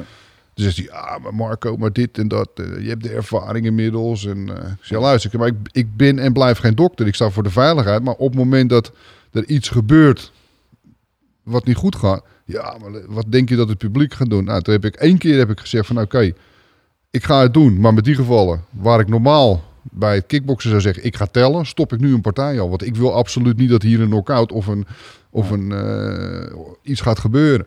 Nou, toen heb ik bij een ground and pound actie heb ik die partij direct gestopt. Nou, de, de Hoek uh, stond meteen nou, maar waarom stop je die partij nou? Ik zei, dat hebben we van tevoren afgesproken. Ja, geen risico. Dat, dat gaf zo'n, ja, voor mezelf, ik weet dat ik de ervaring heb, mm -hmm. maar zo'n vervelend gevoel van, hé, hey, er is geen dokter bij. En ik weet ook wel, ik, ik heb dokters verbeterd in het buitenland, inderdaad, bij, een, uh, bij knockouts. Uh, in Rusland weet ik vaak beter te handelen hoe een dokter is. Maar toch, dat gevoel dat er niemand was, ja, ik zeg, doe het ook nooit meer. Nee. Als, als, als staat er 10.000 man, ik loop naar buiten, doe ik ben weg. Maar hoe bedoel je dokters verbeterd? Dat wat je moet doen bij een ernstige knockout? Nou ja, ik moet luisteren. Ik, uh, oh, uh, dokters verbeterd. Nee, op het moment dat iemand uh, geworpen wordt. Mm. Ja, en die komt op zijn nek terecht. Yeah. Daardoor gaat hij oud. Yeah. Kan zijn nek ook gebroken zijn. Ja. Dan, moet je, en eerst, dan moet je gewoon van iemand zijn hoofd afblijven. Laat hem liggen zoals hij ligt. Kijk, bij een knockout ligt iemand in een stabiele zijligging. Je zorgt dat zijn bitje uit zijn mond is. Je kijkt mm. naar zijn tong of die niet ingeslikt is. En ehm, die jongen die, die kermde direct na de klap. En ik kon niet zijn. Mm. kwam op zijn schouder, hoofd kwam hij terecht na een worp. En um, die jongen begon meteen te gillen van de pijn. Ja, ja, De, de, de, de ground the pound kon ik stoppen door zijn tegenstander eraf te houden. En uh, de, de, dokter komt de ring in en die beginnen hem aan zijn benen zo. Eigenlijk in Rusland was dat. Aan zijn benen wil ze hem zo de ring uittrekken. Nee, slecht idee. Dat ik zeg, oh. En aan zijn hoofd doet dit pijn. Aan zijn hoofd draaien. En uh, ja, Kroatische Doet dit pijn? Kroatische jongens. Maar ze begonnen echt aan zijn hoofd te trekken aan alle kanten. Ik zeg, En een van die dokters heb ik echt toen de tijd gewoon een, een zetter afgegeven. Mm die coach van die Kroaat is erbij gekomen. Daar heb ik mee gecommuniceerd van vraag eens waar die pijn heeft en dergelijke. En blijf van, alsjeblieft van zijn nek af. Toen bleek het achter, uh, uiteindelijk dat zijn sleutelbeen gebroken was. Hm. Maar die dokter, ja, die praatte Russisch en geen Engels. Ja. ja, want je hebt natuurlijk partijen wel redelijk spectaculair zien eindigen in dat opzicht. Ik neem aan dat als je de 5000 hebt gedraaid, heb je ook wel een paar beauties uh, voorbij zien komen in dat opzicht. Zo top of the mind, uh, wat schiet er direct in je hoofd als ik zeg, joh, wat was wel echt even een momentje? Ja, een hele tijd geleden, dat is de, de eerste slam knockout. eh Ja. ja, eh, bij een, eh, een showtogale in Ede. partij Romano eh, de Los Reyes tegen Ludo Bovin. Ja. Ja, ehm, Ludo Bovin in een positie waardoor hij zijn tegenstander kon choken. Romano die stond rechtop en die zit in een triangle choke. eh. En ja, dat moet je zien inderdaad dat iemand staat en die ander zit in feite op zijn schouders met zijn benen eromheen gekruist Mm. eh, om hem te verwurgen. En Romano slimt hem zo hard, zijn tegenstander met zijn rug op de grond, daardoor, eh, waardoor die knock-out gaat. eh, en ook goed knock-out gaat. Dus voor de mensen die het niet kennen, eigenlijk is iemand die eh, gewoon in één keer eh, gaat staan met jou en jou gewoon kaart eh, op de grond. eh. Ja, op de rug uit. en dan krijg je met je, je krijgt sowieso de klap van de, de impact, maar je raakt ook nog een keer met je hoofd eh, natuurlijk het. Ik moet direct aan Rampage Corona denken. Ja, Ja. dat Ja. Was, dat was de klassieke versie. Ik was erbij op dat gala en het was inderdaad wel, het was super spectaculair. En eh, dan moet ik wel zeggen dat die Romano heeft al vaker van dat soort uitspattingen gehad. Ook nog een keer op een M- eh, M1 gala volgens mij op ehm, eh, in. In Hilversum. In Almere volgens Hmm. mij. In, eh, ehm, ja, Voor mij de televisiestudio's in Almere. ah, het hij maakt een mooie wel. partij. Spectaculaire jongen wel. Klopt. Wel, wel tof. Dat is inderdaad. Ja, dus dat is een knockout die bijblijft. Eh, De eerste knockout die ik bij de MMA... Ja, de handschoentjes die waren een stuk kleiner. En eh, ja, daar ging iemand knockout. En ik denk van ja, die ging zo hard knockout. Ik Ja, die staat nooit meer op van zijn leven. ja. Want liep op een... Nee, ja, dit liep echt op zo'n harde stoot. Gewoon geen dekking. eh, lokale jongen die aan de deur staat. Waarschijnlijk maar niks met de sport te maken. Maar dat was in het begin, hè. Ja, Ja. Dan ga ik maar free fight doen. want maar ik ben tegen een jongen en die wel sterk. getraind is. En die geeft hem zo'n cakeie. Geeft, die geeft hem zo'n ontzettend harde stoot. Geeft hij hem. eh, ja, die ging zwaar weg. En dan zie je als een plank achterover vallen. Ja. Ja, dat is altijd even schrikken. Het is wel interessant dat je dat zegt, hè? Mensen die ongetraind de ring instappen. Kun jij inmiddels, want jij hebt natuurlijk ook een heleboel mensen meegemaakt, de, nou ja, de minuut of de paar seconden voordat ze iets heel spannends gingen doen. En ik kan me echt voorstellen dat er een heel groot verschil zit in hoe verschillende mensen daarmee omgaan. Kun jij al een beetje zien aan hoe een vechter staat, hoe ontspannen die is, hoe die uit zijn ogen kijkt? of het een goede dat- pot voor hem dat- gaat ja, worden dat of zie niet? je wel. Ik, ik, ik voel altijd eh, als ik eh, vechters voor de wedstrijd naar het midden haal om mijn laatste instructies mee te geven. Ja, Dan pak ik meestal al een pols vast of iets dergelijks. En dan zie je al aan het loopje van iemand. Of je ziet de hartslag in hun nek. Die zie je tekeer gaan. Nou, dat kan adrenaline zijn. Maar Ja. dat kan ook een zenuwen zijn. eh. Ja. En eh, ja, echt twijfelend naar binnen. Of iemand durft de stare down niet aan. Hè? Dus de ene kijkt hem heel agressief aan. En die andere jongen die draait weg. Of die denkt, en dan denk ik van, oh, dit Ja. wordt wat. dit gaat hem worden. Ja. En soms gebeurt dat. En soms gaat het ook andersom. Hè? Zie je ze gasten ook nog wel eens eh, zeg maar, eh, zichzelf herstellen? Dat ze een beetje timide zijn in het begin en op een gegeven moment krijgen ze een tik en dan is het Nou, dat is het. gaan. Ja, alsof ze wakker worden inderdaad. Dat ze denken, oh, maar dat valt eigenlijk best mee. Eh, En dan eigenlijk pas in hun spelletje gaan komen. Ik denk ook niet dat er echt een, eh, een, een standaard voor is hoe dat men relaxed in die ring moet staan. Want iedereen heeft daar zijn eigen vorm in. En je hebt inderdaad de, de aggressors, zoals een Vanderlei Silva, die echt gewoon eh, Opgefokt. helemaal opgefokt en gewoon eh eh, hartslag 120 volgens mij daar staat. Ja. Puur van de adrenaline. En je hebt gewoon de, De ja, de Fedors. Fedors, de Fedor Emelianenko, de man die eigenlijk eh, ja, jarenlang de nummer 1 zwaargewicht is geweest in, eh, in, in het MMA. Die gewoon... Ze hadden dat wel een paar mooie vergelijkingen. Alsof die eh, bij de visboer staat. Ja. Staat te bestellen. Dat Dus daar, weet je wel, eh, niet helemaal... Rustig van, ja, ik ga, ik, ga naar de, ja, ik ga naar mijn werk. Ja. Ja. Ik ga dit, deze klus klaren en rustig er naartoe lopen. Eh, Ongelooflijk. En dan inderdaad toch die agressiviteit. Want het, het blijft een full contact sport. Ja. Met A, die agressiviteit van je tegenstander om kunnen gaan. Waardoor jij zelf niet opgefokt raakt. Of, of angstig wordt en dat Mhm. om kan slaan. Ja. En, eh, en dan nog om kan zetten in een winst voor jou. Om die agressiviteit je tegen te verdedigen. Dan, eh, ja, dat, dat vind ik de mooiste partijen op zich. Ik hou van agressieve partijen. Ja. Mogen van twee kanten. Maar iemand waar je het niet van verwacht. eh, bij een Fedor bijvoorbeeld. Wat je dan juist gaat krijgen. Ja, dat, dat zijn de mooiste partijen. Ja, ja. dat is wel heel grappig. Heb je ooit een partij van Fedor? eh, Ik heb één exhibition match heb ik, eh, gedaan van Fedor in, eh, in Tokio. mhm. Tegen Aoki. Oké. Nou, dat, was al, dat vond ik al geweldig. eh, eh, voor Was dat een eh, showding? eh, Ja, nee, het was, een, eh, het, was, het was geen echte partij. Het was echt een eh, exhibition match. eh Ja. Fedor zou toen een partij vechten daar. Alleen dat is niet rondgekomen. Aoki was daar ook. En ze hebben alle twee een, eh, de G aangedaan. En eh, ze hebben daar een demonstratie gegeven. Mhm. nou, dat lopen, de Japanners vinden dat geweldig. Als Tuurlijk, ja. Fedor Aoki boven zijn hoofd optilt. Ja. Of Maar die vinden alles een flying armbar. Ja. Ja. die vinden dat geweldig. Eh. We toch nog even terugkomen op eh, dat stukje spanning hè, van, eh, van zijn vechter. Want ehm, ehm, eh, uit- persoonlijke ervaring, eh, zowel zelf gevochten als vriendjes gecoacht en eh et cetera. Denk ik dat die minuten voordat je de wedstrijd ingaat, die zijn natuurlijk maar een fractie van het hele, hele spektakel. Want je bent natuurlijk lang aan het trainen hiervoor. En ik denk dat dan ook mensen niet begrijpen dat ehm, als jij weet dat je over zes weken moet vechten, dan draait in die zes weken alles om die partij. Yep. En dat draait bij jouw vrienden, eh, in je relatie thuis, eh, op je werk zit je ermee en je bent ermee aan het trainen, je bent gefocust, eh, je, je trainingsmaatjes moeten er scherp op zijn. En dan vervolgens dan gaan we naar, je rijdt dan naar zo'n gala toe. En ik herken dat gevoel uit duizenden nog. En ik heb het nu nog wel eens een keer, nu doe ik dan lekker mijn jiu wedstrijden. Dat ik eh, aankom en dat ik denk van, als we nu naar huis gaan... Vind ik het ook goed. Ja, ja, ja. Weet je, ehm, terwijl het, het eh, en dan, dan sta je daar, je werkt er naartoe en op een gegeven moment dan eh, hoor je in een soort flow te komen. En de ene keer gaat het beter dan de andere keer. Maar op het moment dat je daar staat, dan gebeurt er zoveel om je heen. De kleedkamers, het komt een jongen die komt met een kapotgeslagen gezicht, komt hij binnen met bloed uit zijn neus. Ehm, de andere die staat op te warmen, te schreeuwen en te doen. Eh Thaise olie eh, spat, door die, eh, spat door die kleedkamer heen. Ruikt niet fijn. Je irriteert je eraan. Mensen komen dingen aan je vragen waar je helemaal niet op zit te wachten. Allemaal mini fractiedingetjes in die hele realiteit van het vechten. En ik, ik, ik vond het, ik vind, daarom vind ik het ook, ik heb daar super veel respect voor dat men bewust het pad kiest om een professioneel vechter te worden. Hè? Ik bedoel, wij hebben het een beetje voor lol gedaan. Maar als ik dan kijk en dan loop je naar, loop je naar die ring toe. De, ehm, ja, je, je, je hebt je eigen muziekje waarmee je opkomt. En je hebt je coaches die nog je laatste dingen toezeggen. Ik vind dat, ja, daar moeten ze een documentaire van maken van dit Mm. soort dingen, weet je. Dat is echt gewoon die laatste momenten dat je naar die ring toe loopt. En wat veel mensen niet beseffen is dat op het moment als je in die ring staat, dat daar vaak eh, lampen op staan die naar binnen staan gericht. Zodat als je als vechter naar buiten kent, Zie je niks zie je Je niks ziet helemaal niks. Nee. en het enige wat je hoort, en ik, ik weet het zelfs nog dat ik eh, zelf een keer in de Charleroi eh, stond, wat al niet heel erg bekend staat om zo'n nette buurten. Dat het echt voelde als in een hol van de leeuw. Want je wordt uitgejouwd, je wordt, er wordt geschreeuwd, je wordt gedaan. Je weet niet of het om jou gaat, je weet niet of het om die ander gaat, weet je. En, maar jouw focus is dat gevecht. En eh, die lampen die staan erop. En eh, dat moment dat je, dat je de laatste pets achter op je kop krijgt van je trainer. Van, je loopt naar het midden toe.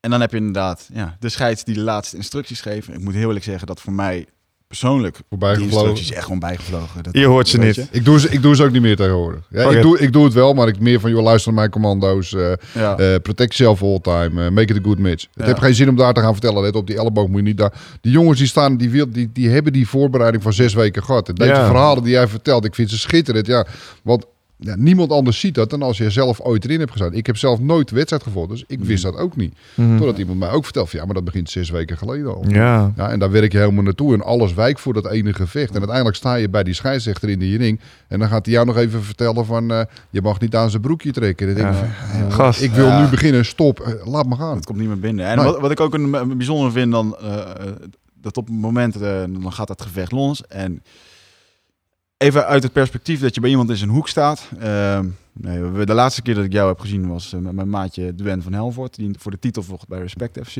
En eh, ja, op een of andere reden, hij was aan het verliezen en dan komt dat er niet uit. Nou jongen, dan is het alsof er, weet je, er zit zoveel emotie bij. En zoveel, misschien nog erger als het je zelf aan het vechten bent. Omdat je het veel bewuster meemaakt. Mhm. Als je in die ring staat, dan doe je je ding en dan lukt dat of dan lukt dat niet. Maar je ziet ook mogelijkheden die hij misschien op dat moment niet ziet. Exact. En het is gewoon, oh, weet je, het doet niet, niet, oh, weer een kans die, oh. En, en dat, ah, man, je, je, adrenaline zit tot in je, Ja. tot in je nek. En eh, vervolgens, ehm, er is altijd een verliezer. En eigenlijk is het zo dat een scheidsrechter, mijn inziens, goed zijn werk heeft gedaan als niemand erover klaagt. Zeg ik dat goed? Nou, nou ja, je, onopvallend aanwezig is. Ja.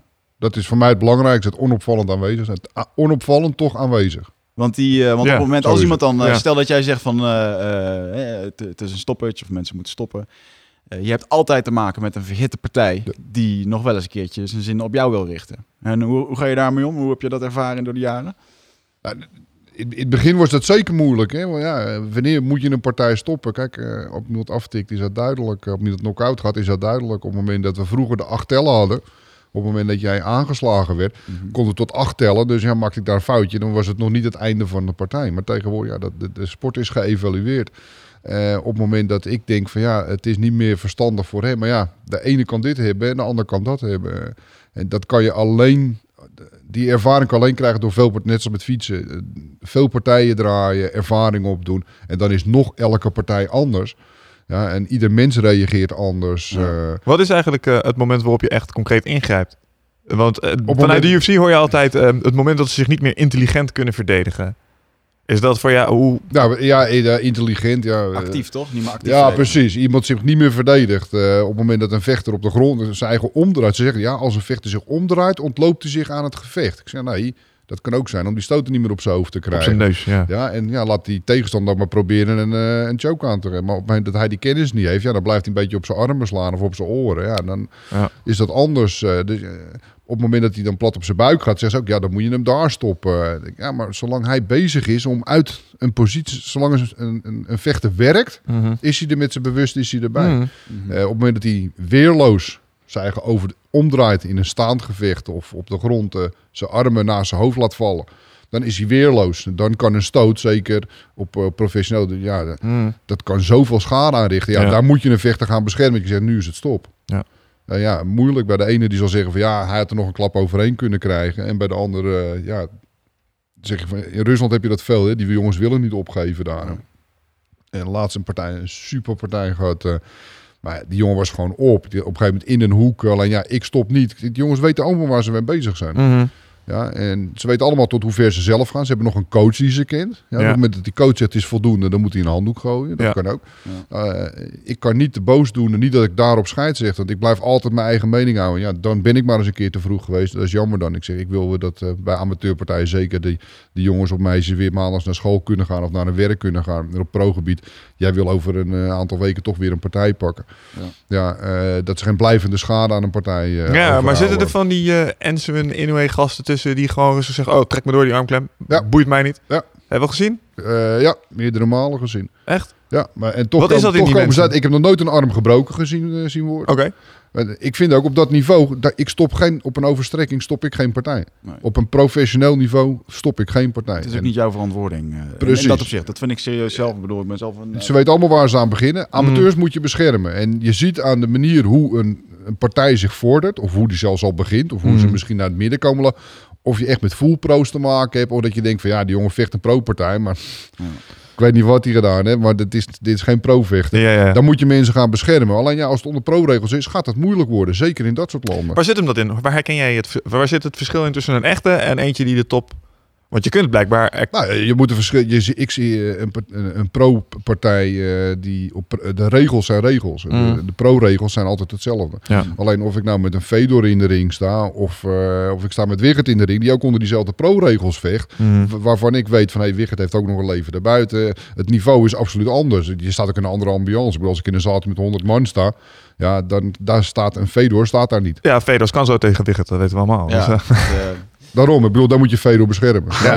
nee, niet, maar ja, je, je vecht onder dezelfde regels, maar je moet als scheidsrechter je, je interpretatie erin houden. Dat je Ja. zegt van, ja jongen, pro of superpro noem ik altijd het verschil. En dat is de exposure die ernaast zit. Ik bedoel, eh, Fedor vecht niet in een zaaltje waar 100 man zit. mhm. Ja, eh, die, die vecht voor groot publiek. eh, daar heb je ook met andere dingen te maken, ook met financiële dingen. Eh, dan denk ik van, ja, moet, nou, moet ik nou gaan zeggen van, jouw arm is overstrekt, Fedor. Dus om jou te beschermen dat jouw arm niet breekt, ga ik die partij stoppen. Nee, ik heb 16-jarige jongetjes gehad waarvan ik een zware overstrekking zie. Hmm. Maar aan hun gezicht zie van, hé, hey, er zit geen pijn in het gezicht. Ja. Ja. die zich daar nog uitdraaien, omdat ze een flexibele arm Ja, je hebt van die gasten. Die heb je ertussen. Ja, dat weet ik Hmm. van tevoren nu. Ik ben er niet één van. Nee, ja, en dan denk ik van. Ja.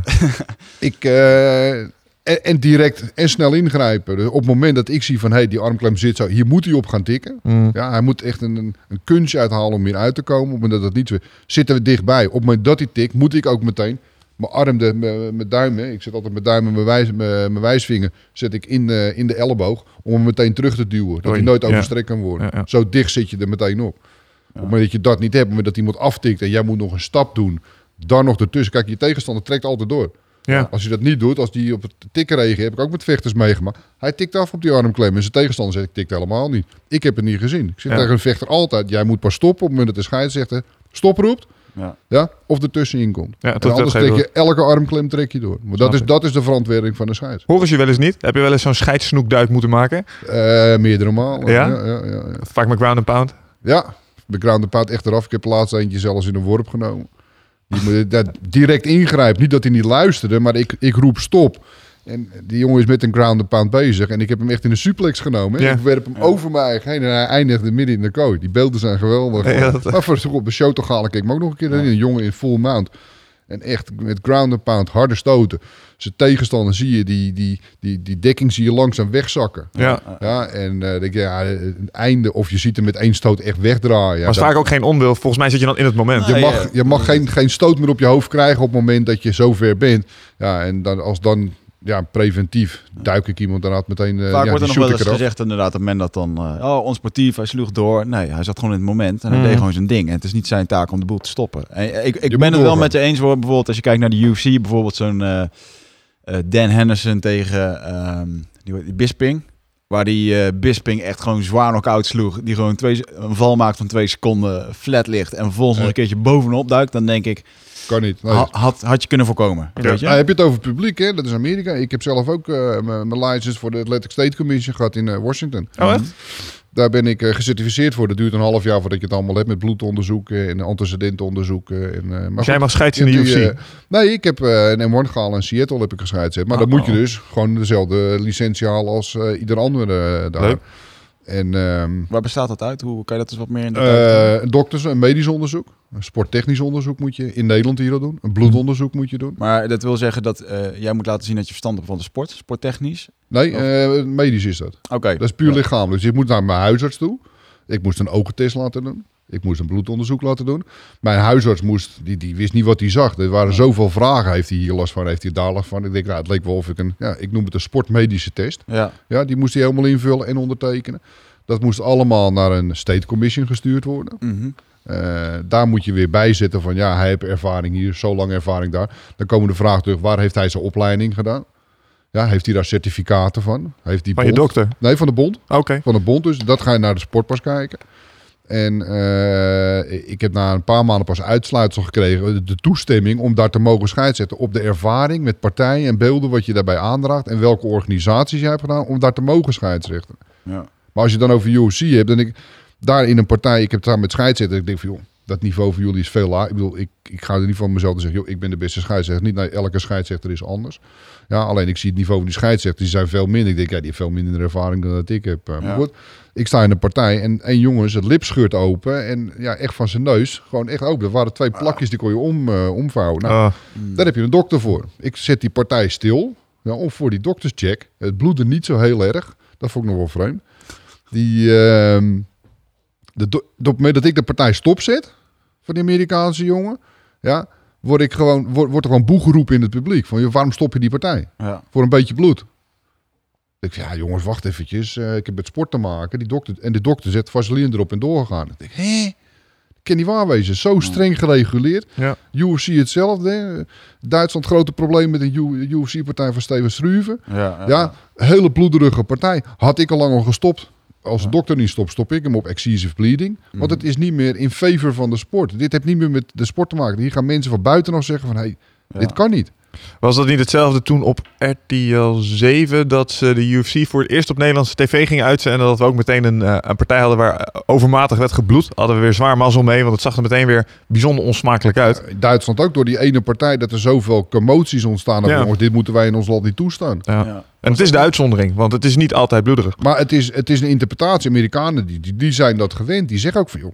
In, Japan, in Amerika zeggen ze... ja, je geeft niet iemand een schop voor zijn hoofd. Dat kan niet. In Japan zeggen ze van... eh, ja, tuurlijk geef je een schop naar zijn hoofd. Moet hij ze maar verdedigen. Mm. Ja, wij zeggen van, joh, op iemand bloed moet je hem beschermen. Dan moet je kijken wat is er aan de hand. En het, het is niet gezond om helemaal onder, bebloed onder te zitten met het bloed van je tegenstander. Nee. Eh, Nee, nee, nee. ja, in Amerika denken ze er anders over. Op het moment dat ik een partij stilleg omdat iemand echt gewoon een scheur in zijn lip heeft. Zijn lip, echt, hij kon het zo omslaan, Ja. twee die plakjes. Ja. En er werd gewoon boe geroepen. En tot twee keer op die partij stil. Maar ik blijf die partij toch stilleggen om die dokter erbij te roepen. Twee keer stilgelegd. Mm. Echt gewoon, ja.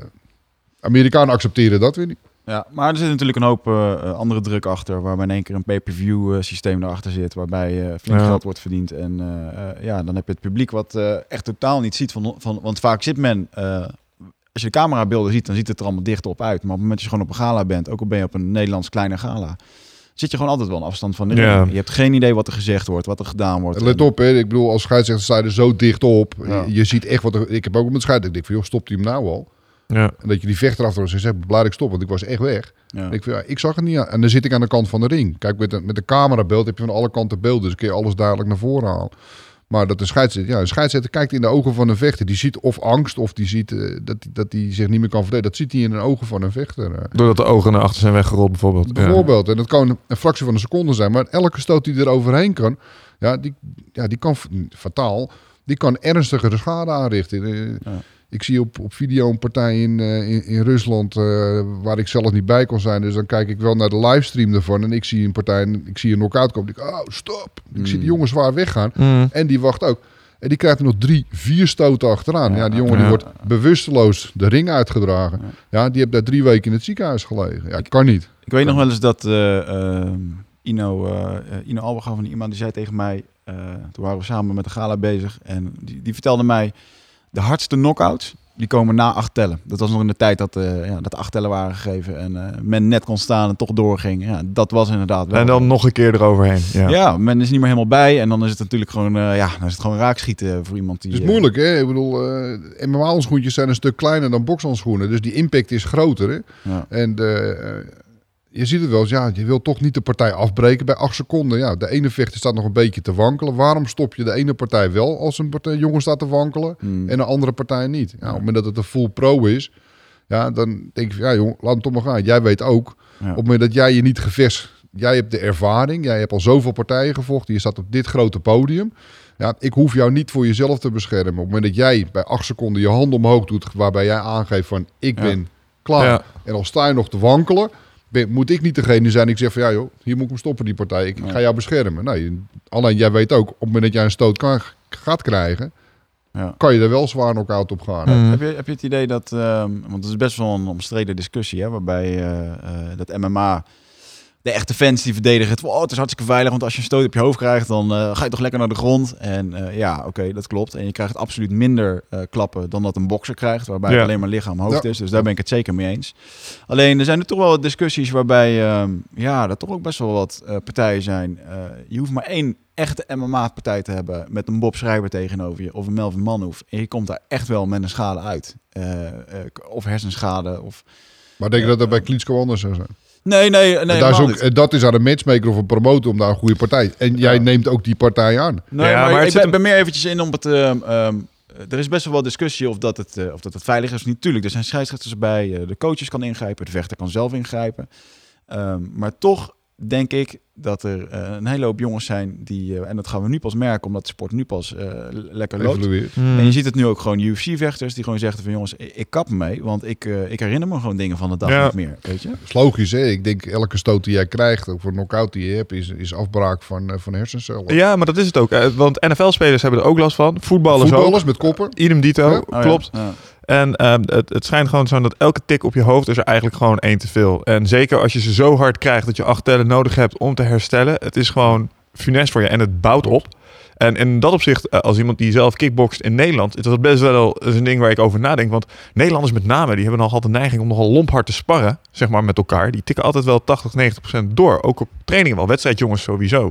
En het schijnt dus echt Heel slecht zijn voor je om regelmatig op die manier... Ja, en het enige wat je daarin hebt, en dat is in Amerika perfect opgezet, is die medische keuring voor. Ja, Ja. Daar moet na een knockout, moet daar, eh, daar krijg je een startverbod opgelegd. En daar is niet de coach die zegt, nou weet je, ga ik toch in Canada vechten Ja. volgende week. Nee, dan weet je niet waar je mee bezig bent. Maar dat is ook het hele ding met de handschoenen waar we het over hadden. Hè? Want ehm, het hele idee wat een aantal van de voorstanders van MMA-vechters... die zeggen, joh, die kleine handschoenen... of misschien helemaal geen handschoenen... zorgt er wel voor dat... ehm, nou ja, als je dan eh, stoten ontvangt... dan zullen het er minder zijn als met van die grote handschoenen. Want daardoor kun je het langer volhouden.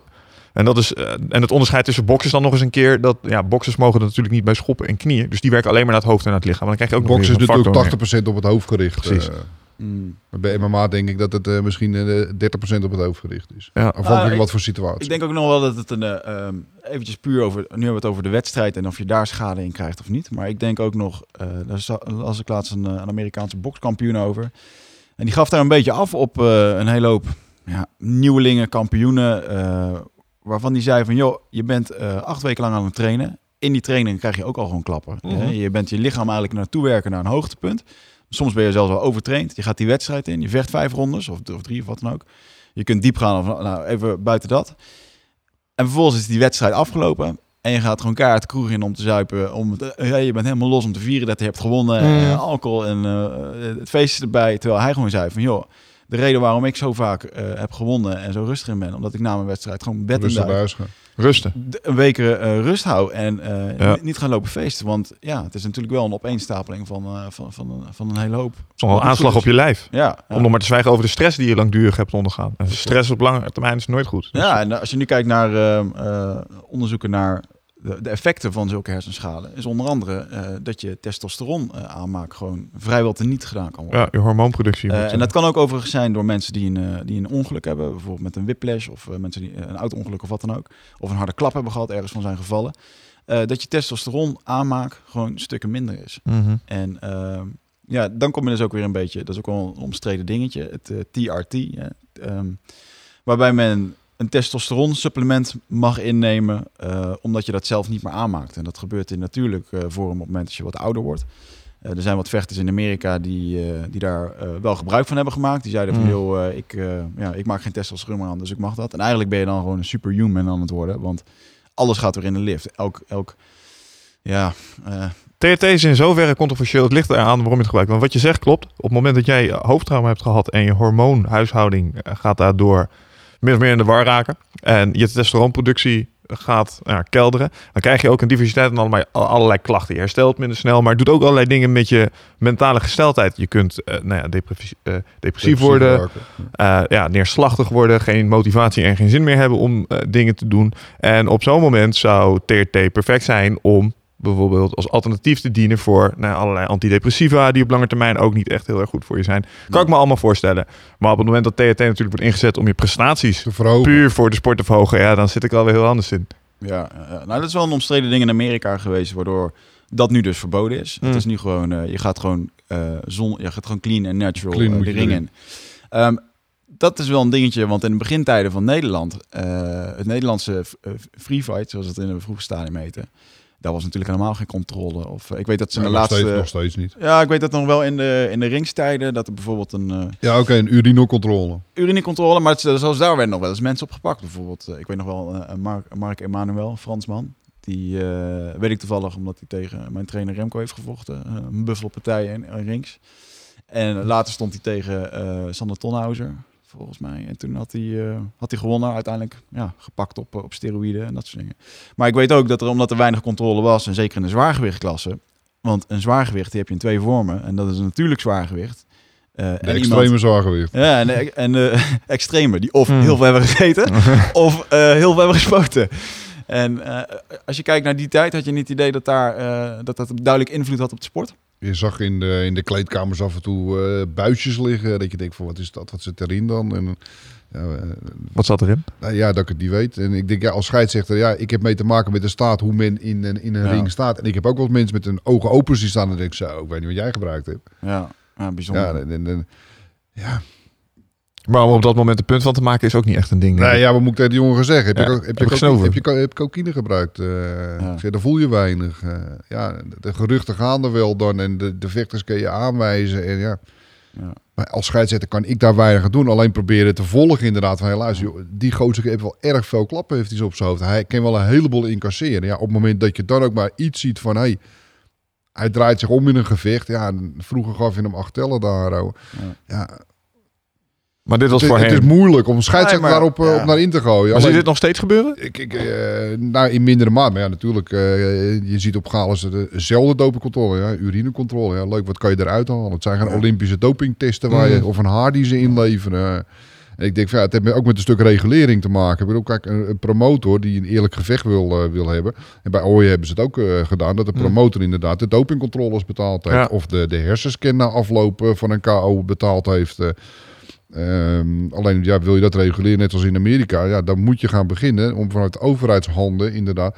eh, Ja. Waarom kan dat op een universiteit? Waarom moet het zoveel geld kosten? Waarom Hmm. kan dat niet als, eh, als de overheid daarbij inzet? Als ik eh, ecstasy is ook verboden, maar op een houseparty kan ik naar binnen lopen en dan staat iemand van de GGD die test die pillen terwijl het illegaal is. Klopt. Dus waarom kan het niet zo zijn dat als jij dan een, een gala hebt inderdaad en een dopingcontrole hebt, waarom kan het niet naar de universiteit als, als ook een leermiddel voor die mensen gaan, eh, gaan doen? Ja, maar dat zal van overheid moeten komen. Dat gaat niet uit de sport, gaat dat niet, gefinancierd kunnen worden om goede dopingtesten Nee. te leggen. En dat soort onderzoeken zijn ook duur.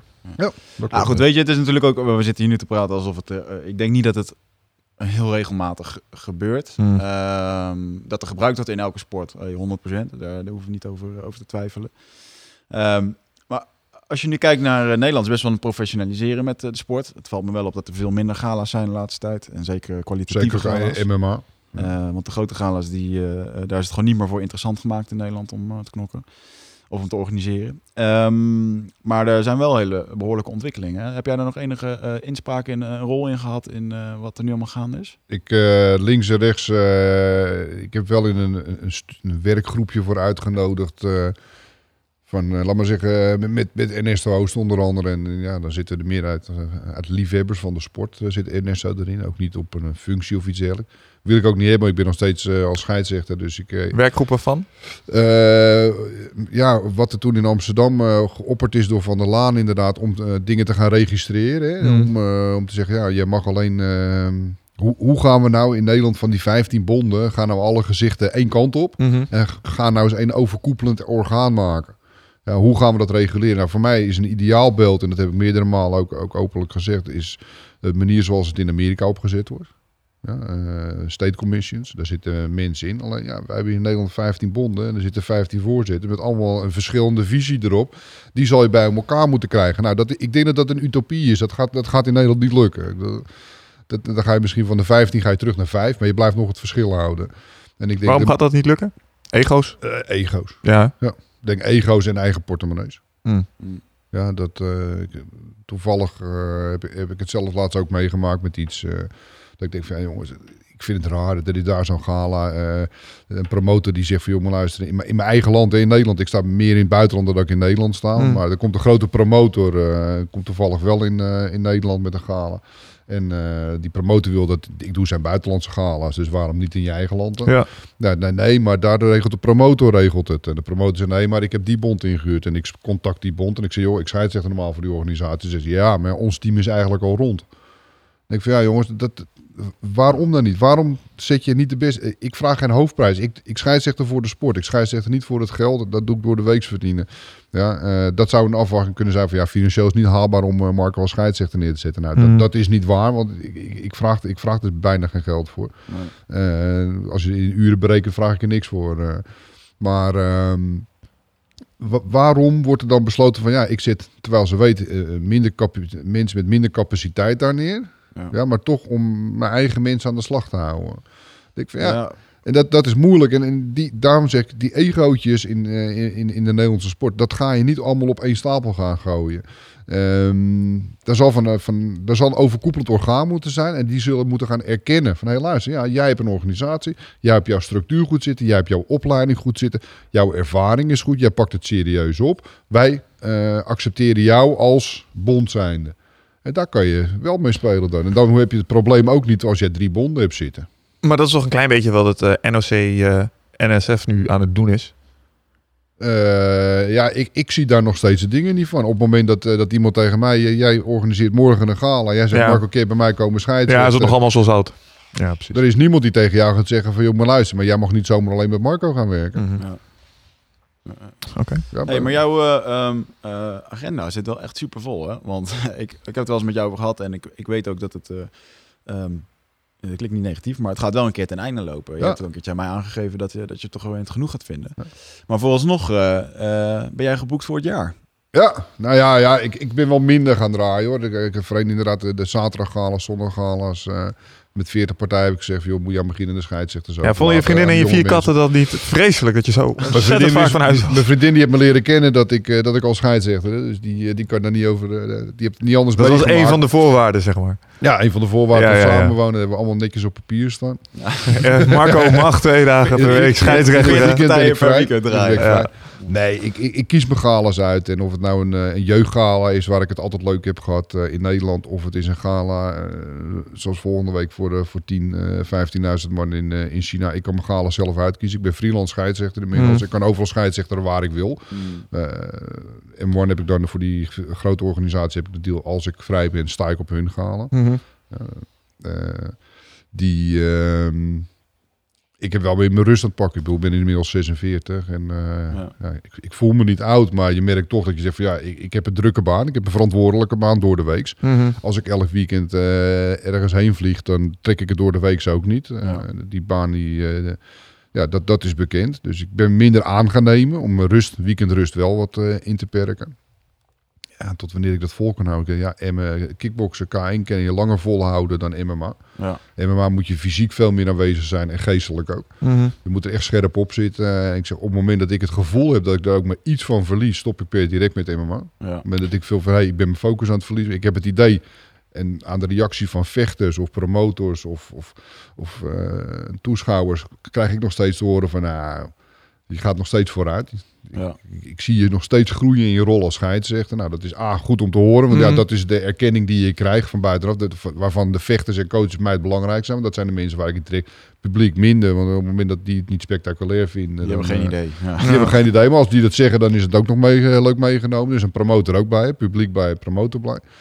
Maar eh, ik heb altijd gezegd, ja, 45, 50, dan moet het voor een MMA-scheidsrechter af zijn. Mhm. A, vind ik het geen gezicht. Net als met boksen ook. Als ik een man van 65, eh, 70 ertussen die lopen, echt, eh, nou ja, mijn postuur eh, dan nog in, in, dubbele omvang. Kijk, staat er nog een getraind iemand dat je denkt van, ja, prima. Ja. Mhm. Maar Als ik echt iemand zie van eh, 120, 130 kilo tussen atleten, Mhm. ja, op dat niveau, eh, dan denk ik van, ja, jongens, dat is niet meer van deze tijd. Ah, maar we hadden het net over die snoekduiken. Stel, er doet er zich een situatie voor in de ring waarbij jij fysiek moet ingrijpen. Moet je dat ook gewoon kunnen. Ja, precies. Nou, dat is het. Op het moment dat ik die focus ga verliezen, inderdaad, ik denk van, ja, ik voel me Ja. niet meer in staat om daartussen in te duiken. Of, ik kom regelmatig terug, omdat ik verdorie, oude pink of oude mel of een klap op mijn rug gekregen. Ja, maar waarom spring je dan tussen? Ja, daar sta ik voor. Ja. Ja. Ja, zo, zo gauw ik daar eh, iets in merk voor mezelf van, hey, ik heb die scherpte niet meer, dan stop ik per, per direct met MMA. Ja. En dan ga ik me op een andere manier in het MMA. Dat spelletje vind ik, ja, vind ik geweldig. Eh, dan ga ik als, als hoofdjury of jurylid, eh, wat ik ook af en toe eh, soms wel eens doe buiten het scheidsrechten of in de begeleiding ga ik doen. ja, en natuurlijk gewoon je kennis overgedragen naar de nieuwe generatie. Nou ja, dat probeer ik op elk, Mm. eh, op elk gala. Hè. Er zijn, eh, op elk gala waar andere scheidsrechters zijn. Als ik vreemd dat ik erin kwam, liep ik na afloop naar Bob Schrijven, naar, naar, naar, eh, naar Martijn de Jong, eh, naar, naar Ino, naar Appie, eh, naar mensen, naar, naar vechters toe. Ik zeg, jongens, eh, wat vond je dat ik goed deed in deze, in deze partij? Wat vond je dat ik fout deed in deze partij? Ja. Ja, ik, ik, ik- ben ook met kennisoverdracht bezig met andere scheidsrechters. eh, dat ik zeg, van, joh, zo doe ik dat of zo doe ik. Die probeer ik weg te zetten eh, met coachend vanuit een hoek. Ja, en na afloop ook te zeggen van, joh, zo gaat het of zo Ja, gaat het het. is wel heel goed dat je dat kunt trouwens. Want Ja. dat is wel een van de ehm, belangrijkste eigenschappen die je denk ik moet hebben om te leren. Is om jezelf open te kunnen stellen voor kritiek van anderen. En je gaat het proactief ophalen. Anders leer je nooit. Ja, ik, ik heb wel eens de aanmerking gekregen. Mensen zeggen, ja, als we jou in de ring zetten, dan zagen we zo'n autoritair iemand staan. Ik wist helemaal niet dat jij inderdaad, dat je, dat je na afloop inderdaad dan gezellig met iemand gaat zitten van, ja, nee, hoe, hoe Maar dat is wel waar. Want als je je nu zo meemaakt, weet je, Marco Ja. is altijd gezellig kletsen. Maar als jij in de ring gaat staan en je gaat je ding doen, Ja, maar dan gebeurt er wel iets met je. Maar dat is mijn focus. Ja. Een, een vechter heeft zijn focus. Ik heb mijn focus in de ring. Mm. Ik heb in Moskou met 21.000 man gestaan. Nou, dan kan ik niet met trillende knieën daar gaan staan. Dan Heb jij je ook wel eens een beetje plankenkoorts? Soms een klein beetje stiekem? Ge- gezonde. Ik ben nooit, nooit zenuwachtig, maar gezonde spanning noem ik het. Ja. Ik ben niet zenuwachtig ervoor. eh, gelukkig niet. En anders denk ik ook van ja, dan klap je als scheidsrechter. Op het moment dat Ja. ik bang ben voor de reactie van het publiek, heb je als scheidsrechter niks te zoeken op dat niveau in de sport. Of van moet- een vechter. Nee. Nou ja, van een vechter nog niet zozeer. Maar dat kan individueel, kan dat, eh, daar moet je je tegen kunnen weren. Daar moet je gewoon duidelijk tegen zijn. Geen gauw hoor. Als een eh, vechter naar mij toe komt en zegt van... Hey, scheid, wat is even normaal eh, terug. Nee, Heb- plek. Ik scheid, zegt hij, jij vechter, ieder zijn ding. Wees eerlijk, heb je wel eens gehad dat je dacht van, oh, oh. Ik daar heb wel, maar niet, niet tijdens een partij. oké. Niet wel tijdens een partij dat je denkt van... Oh, die gaat nu vervelend reageren. Ja. Maar dan toch door de, door de denk ik ook van... Ja, ga ik er als een lanterfant bij staan of hangen in de touwen... of, of twijfelachtig overkomen? Nee, Ja. de ervaring die ik heb geeft mij de, de, de, de, de zelfverzekerheid... om dan ook te kunnen zeggen van... Hey, luister, A, ik ben een mens, ik kan ook een fout maken. Ja. Discussiëren doen we achteraf. Ja, Mhm. Of het nou goed of niet, doe ik niet in de ring. Ja, maar... ehm, ja, daar, ik, ik, ik, uitstraling autoritair schrok ik van. Want ik denk, ik ben helemaal niet Het zit hem in je lichaamstaal. Ja, je, Nee, ik denk, ik ben niet autoritair. Dat wil ik niet zijn. Ik wil leuk, gezellig. Ik kan het met iedereen vinden. Ik heb in de sport met niemand problemen. nee. Ja, ik denk, hoe Wat de zeldzaamheid is. Ik ja, hoe kan ik nou autoritair zijn? Ja. Eh, Wat, eh, wat is het, eh, want je zei net, eh, eh, eh, je, je bent een mens, je kan fout maken. Nou, als je 5000 partijen hebt gedraaid, Dus dat ze niet allemaal goed zijn gegaan. Wel, welke partij zeg je van, van mm, dat heb ik echt niet goed gezien en daar baal ik wel eens van dat ik dat niet, uh, niet goed heb opgepakt. Of natuurlijk is het moment, dus ja, misschien accepteer je dat ook wel. Maar ik kan me voorstellen dat je denkt van sommige had ik beter kunnen doen. Zijn er beslissingen waar je spijt van hebt? Uh, beslissingen, beslissingen niet, want het is momentopname. Dus ik kan, ja, op het moment denk ik dat ik het goed doe, dat ik achteraf terugkom, dat ik denk van, ja, had je ook anders kunnen doen, broers. Ja. Die zijn er wel. Ja. Dat zeg ik wel. Ik, uh, ik ken een voorbeeld uh, in, de, in de arena tussen Melvin Marnoef en, ehm, goed, wie was het? Rodney Glunder ja. naar voren halen. Die partij werd ontzettend gehyped. En die partij begon en die viel ontzettend tegen. Gewoon wat ik ervan verwacht had. Gewoon. bedoel, je ziet op internet toen het uit zeker. Zie je op, op websites zie je discussies loskomen. En dan, dan, moet jij die partij gaan scheiden. Qua vechten zijn er twee, twee vaatjes buskruid. Uh, ja, daarom. En uh, ja, ik, zag alleen, ik, zat, ik zat alleen maar naartoe te komen. Ik denk, ja. ik vind het uh, geweldig. Dat ik die partij uh, ga, Ik hoop dat ik die partij moet doen. Ja, daar kijk ik door naar uit. ik denk van ja ik weet, ik kan een partij in de hand houden. Ik laat een partij niet uit de klauwen lopen. En als het wel gebeurt, dan treed ik zelf op. Mhm. Ja, um, alleen ja, er gebeuren tijd. Maar ook ja, de ervaring had ik niet die als, als ik die nu heb.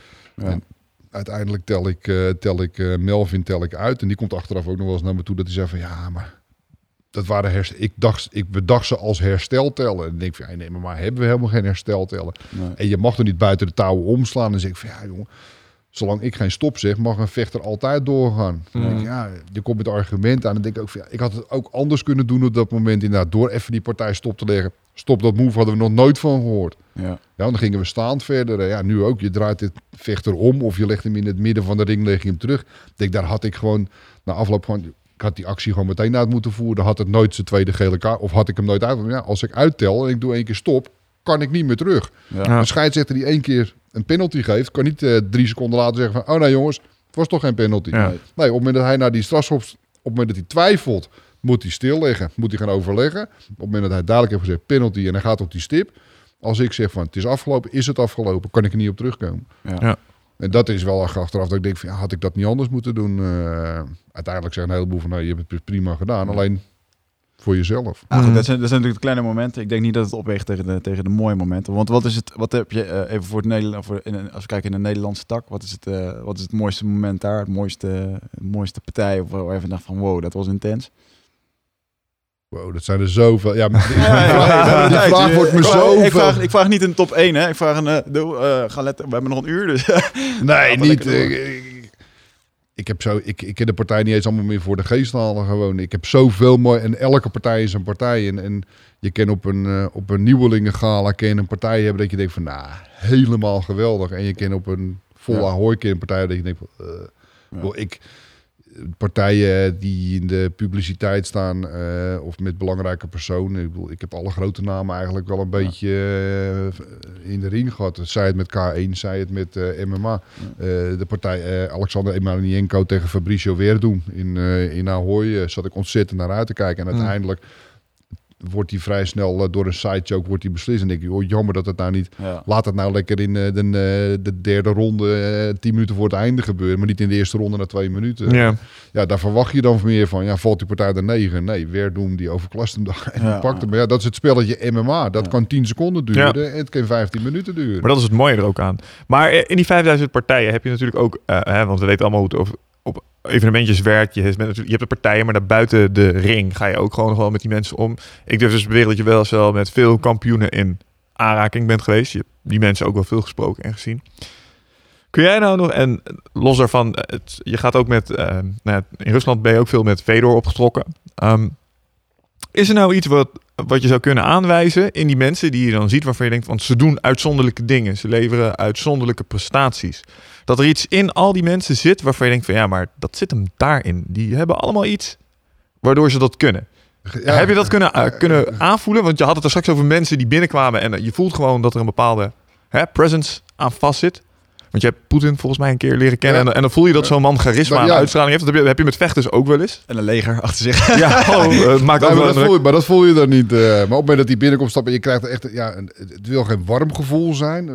Het is een bepaald iets dat je denkt... Ja, je voelt zijn aanwezigheid. Een bepaalde energie die de kamer Het is een energie die iemand uitstraalt. Dat je denkt van... Uh, en dat hij mijn handje geeft, hey, you're a good referee. Dat, dat gaat door je hele lijf heen. Ja. En dan denk ik van ja, wat heb jij dan voor verstand van MMA? Maar ja, anders zit je daar niet. Uh, denk van ja, uh, Je zal ook het lijkt me ook vervelend als je gaat zeggen van... ja, you're a very bad referee. Ja, dat ja, maar zijn- Maar er waren een paar acties geweest waar ik meteen denk van... hé, luister, dat heeft hij gezien en hij valt het op. Ja, dat hij denkt van, hé, dat, eh, dat, dat begrijp je. Ja. Om te zeggen met vechten, ja, ik wil duidelijk maken... Ik, privé trek ik met helemaal niemand uit de vechtsportbaan op. Nee. Ja, dat, eh, dat is niet dat is aan de ene kant bewust, de andere kant niet. Ik, ik ben neutraal. Ik, eh, ehm, nou, om het gevalletje Fedor te noemen, Hmm. daar ben ik zoveel mee in het buitenland geweest, zo vaak gezien. En als er, als er ergens een afterparty is of een etentje of, of wat dan ook, eh, dan zit je daarbij. eh. Ja, ehm, die zou ik niet, eh, op grote partijen heb ik die niet gescheidzechten, maar een andere scheidsrechter daarop op ingedeeld. eh, ja, puur om, eh, om, om dat af te kunnen houden, dat mocht er iets gebeuren, dat ze kunnen zeggen, ja, maar kijk Marco, Fedor. Belangenverstrengeling. Ja. Lange verstrengeling, eh, dat zeg ik, ja, dat moet je ten alle tijd op dat niveau moet je dat, eh, moet je dat uitschakelen. Ja. Ehm, dus privé ve- met vechters eh, of coaches eh, ga ik niet om. eh, wel, eh, wel daarbuiten. Of eh, eh, wel tijdens een sportevenement. Hè. Je zit met z'n allen in een hotel. eh, je- komt elkaar op een gala tegen. Ja. Ja. Eh, ja, zie je dan dingen. eh, Ik- denk gedrevenheid. De, een, gedrevenheid en een vakkundigheid eh, bij coaches. Wat me altijd opviel bij André Mannaert eh, bijvoorbeeld. Dat als ik naar een gala kijk, ik, ik hoor zijn stem en ik zie Mhm. dat zijn vechter iets, iets doet in de ring wat hij coacht. Ja. Hij heeft een hele aanwezige stem. Hij is ook de enige die praat uit een hoek. Op het moment dat ik zie dat een vechter in de ring staat, die wordt door drie man toegeschreeuwd wat hij moet doen. Ja. Die vechter is de weg kwijt. Ja. Die weet echt niet wat hij gaat doen. En dan hoort hij het publiek misschien nog een keertje joelen. Die is weg. En eh, bij André hoor je alleen één stem hoor je. Ja. En dat is zijn stem. En je ziet dat zijn vechter het uitvoert wat zijn plan is. En hij ziet het vanaf. En dat denk ik van. eh, de- ik ken een sportschool in, eh, in, in Duitsland die een wedstrijd benaderen op een tegenstander. Die zeggen van ja, hun tegenstander die, die, ehm, die is dit type vechter. En wij gaan dan ons gameplan daarop aanrichten. Ja. Hoe gaan we hem verrassen of hoe gaan we hem op zijn sterke punten pakken?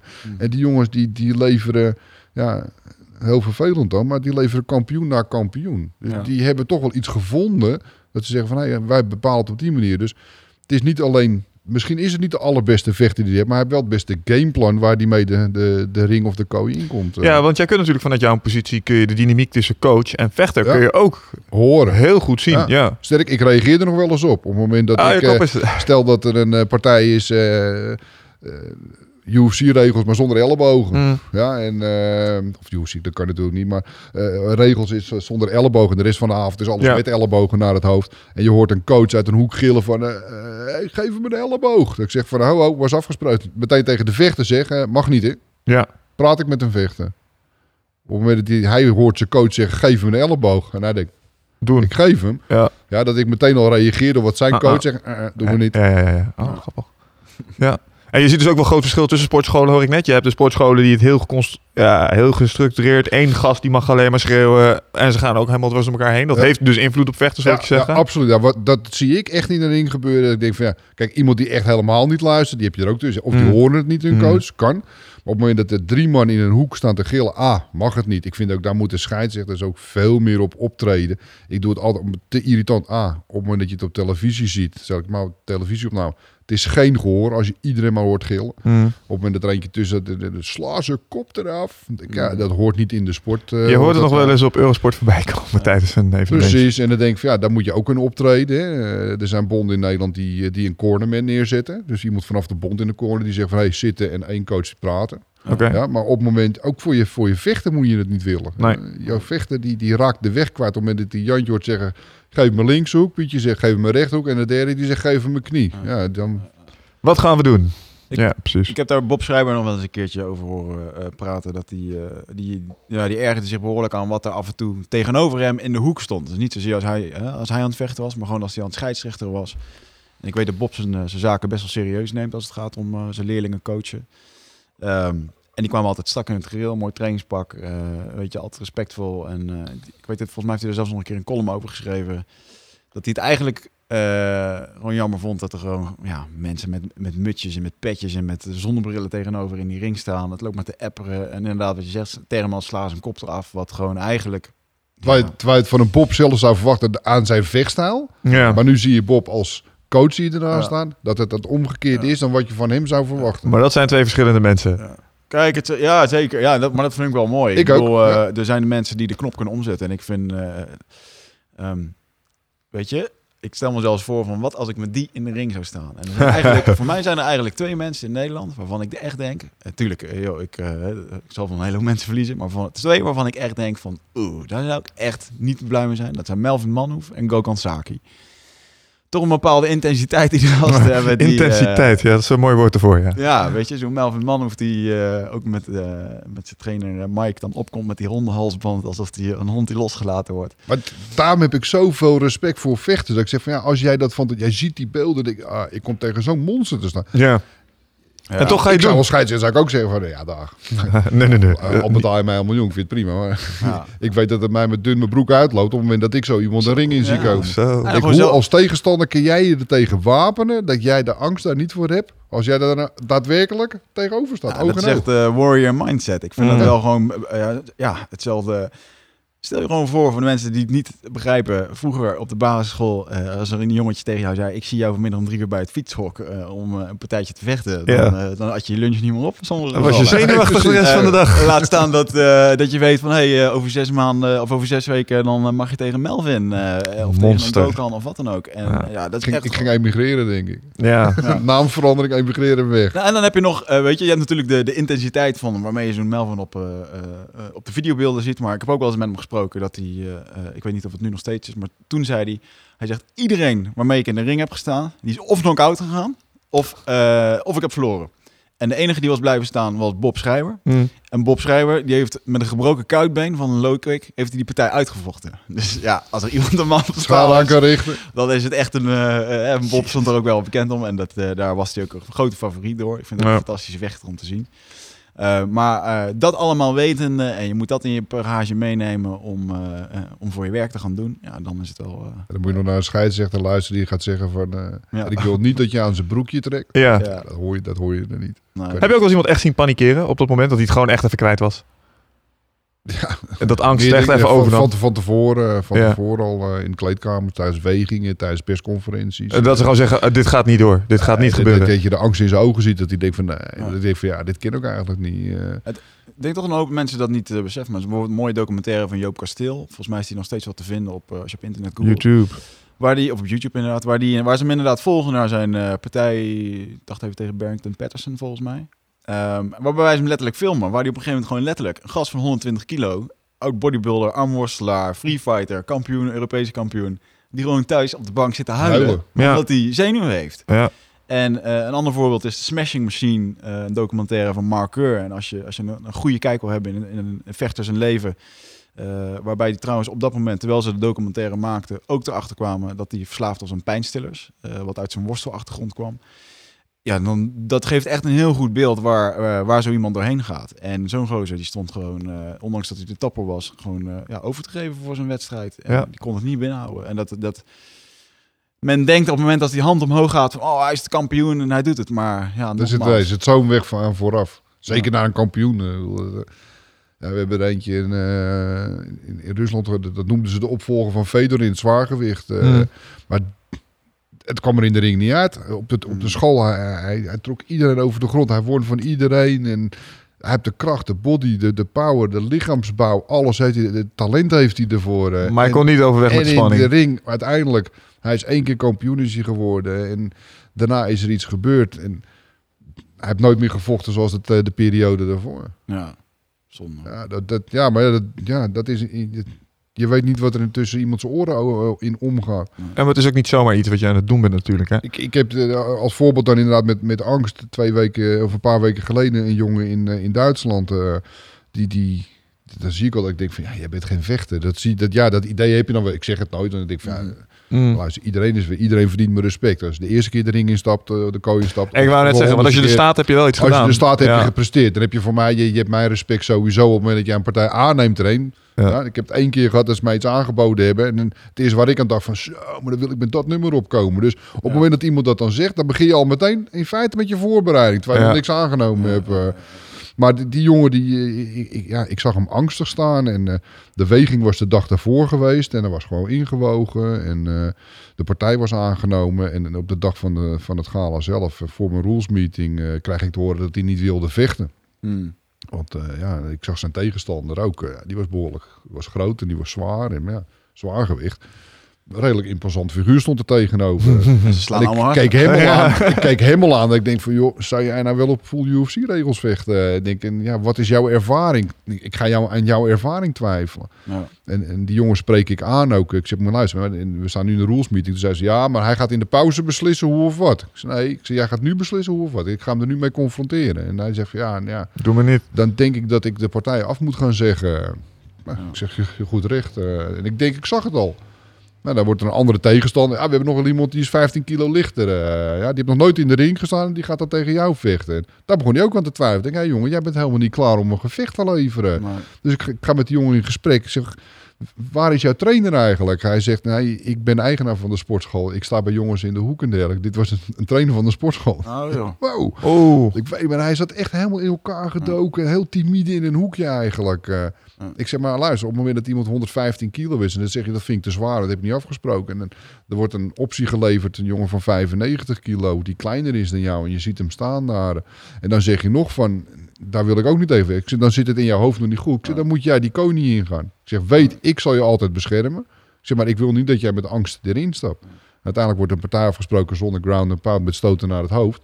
Ja, en die partij gaat toch tegen die zwaar gewichtjongen, tegen die zware jongen aan. Alleen zonder stoten naar het hoofd. eh.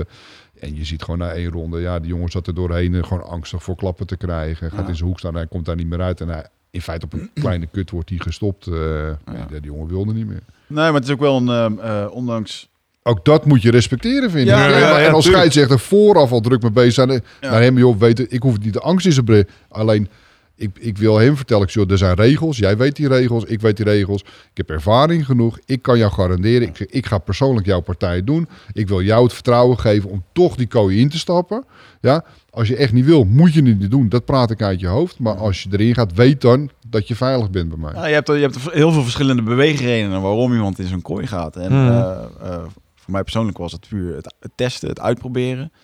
Ehm, maar ik ken ook jongens die daar gewoon... eh, oh, lekker, kunnen we eigenlijk een keer knokken. Die die instelling hebben. Eh, en je hebt jongens die heel erg gepusht worden door hun omgeving. Eh, het een soort van wel willen, het wel spannend vinden. Misschien inderdaad helemaal niet willen eigenlijk. Maar dan horen ze het bij. Of, omgeving. of een trainer legt het heel erg op. Mhm.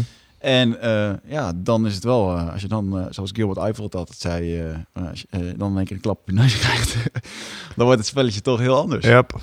En eh, eh, ik denk dat het een, eh, ik denk dat het bij iedere sport ook zo is hoor. Ik bedoel, eh, want er gebeurt natuurlijk het hele, een hele hoop in iemand zijn persoonlijke leven. Ehm, en er zijn ook genoeg voetballers die echt een kop er niet bij hebben op sommige partijen en toch gewoon iedere week moeten Nou, en, en zeker met zo'n met zo'n voor.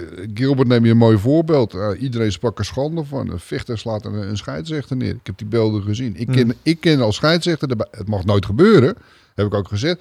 Op openbare forums heb ik toen ook gewoon kan, je, keihard kan je dat gezegd. verhaal eventjes Ik- eh, toelichten voor, onze, voor de mensen die het niet, eh, Ja, niet weten? eh, Gilbert, eh Gilbert Eiber moet een partij vechten in Finland. Gilbert Eiffel was een beetje, die noemden ze de Hurricane, niet voor niets. Ja. Ik, volgens mij had die, eh, die heeft een, ik geloof een lijst van 36 KO's. Ehm, ook allemaal op zijn arm getatoeëerd. Let me, ja. Maar eh, ja, that zoek, jij het eventjes op. Maar dat was wel een jongen die eh, in Nederland eh, eh, ja, gewoon wel de kampioen in het free fighter was. En eh, de, een van de eerste jongens die naar Japan mocht. Ja, en Ja. die, eh, die heeft een partij in, eh, in Finland eh, heeft hij staan, heeft hij aangenomen. Daarmee moet hij vechten tegen een lokale Finse jongen. Wat, de promotor is de trainer van die jongen. Ehm, de scheidsrechter van die partij was de trainer en promotor. Dus dat is dezelfde persoon, heb ik het nog steeds over. Oh. Dus de, De scheidsrechter was ook dus de promotor. De, scheidsrechter is de promotor. Mag dat überhaupt?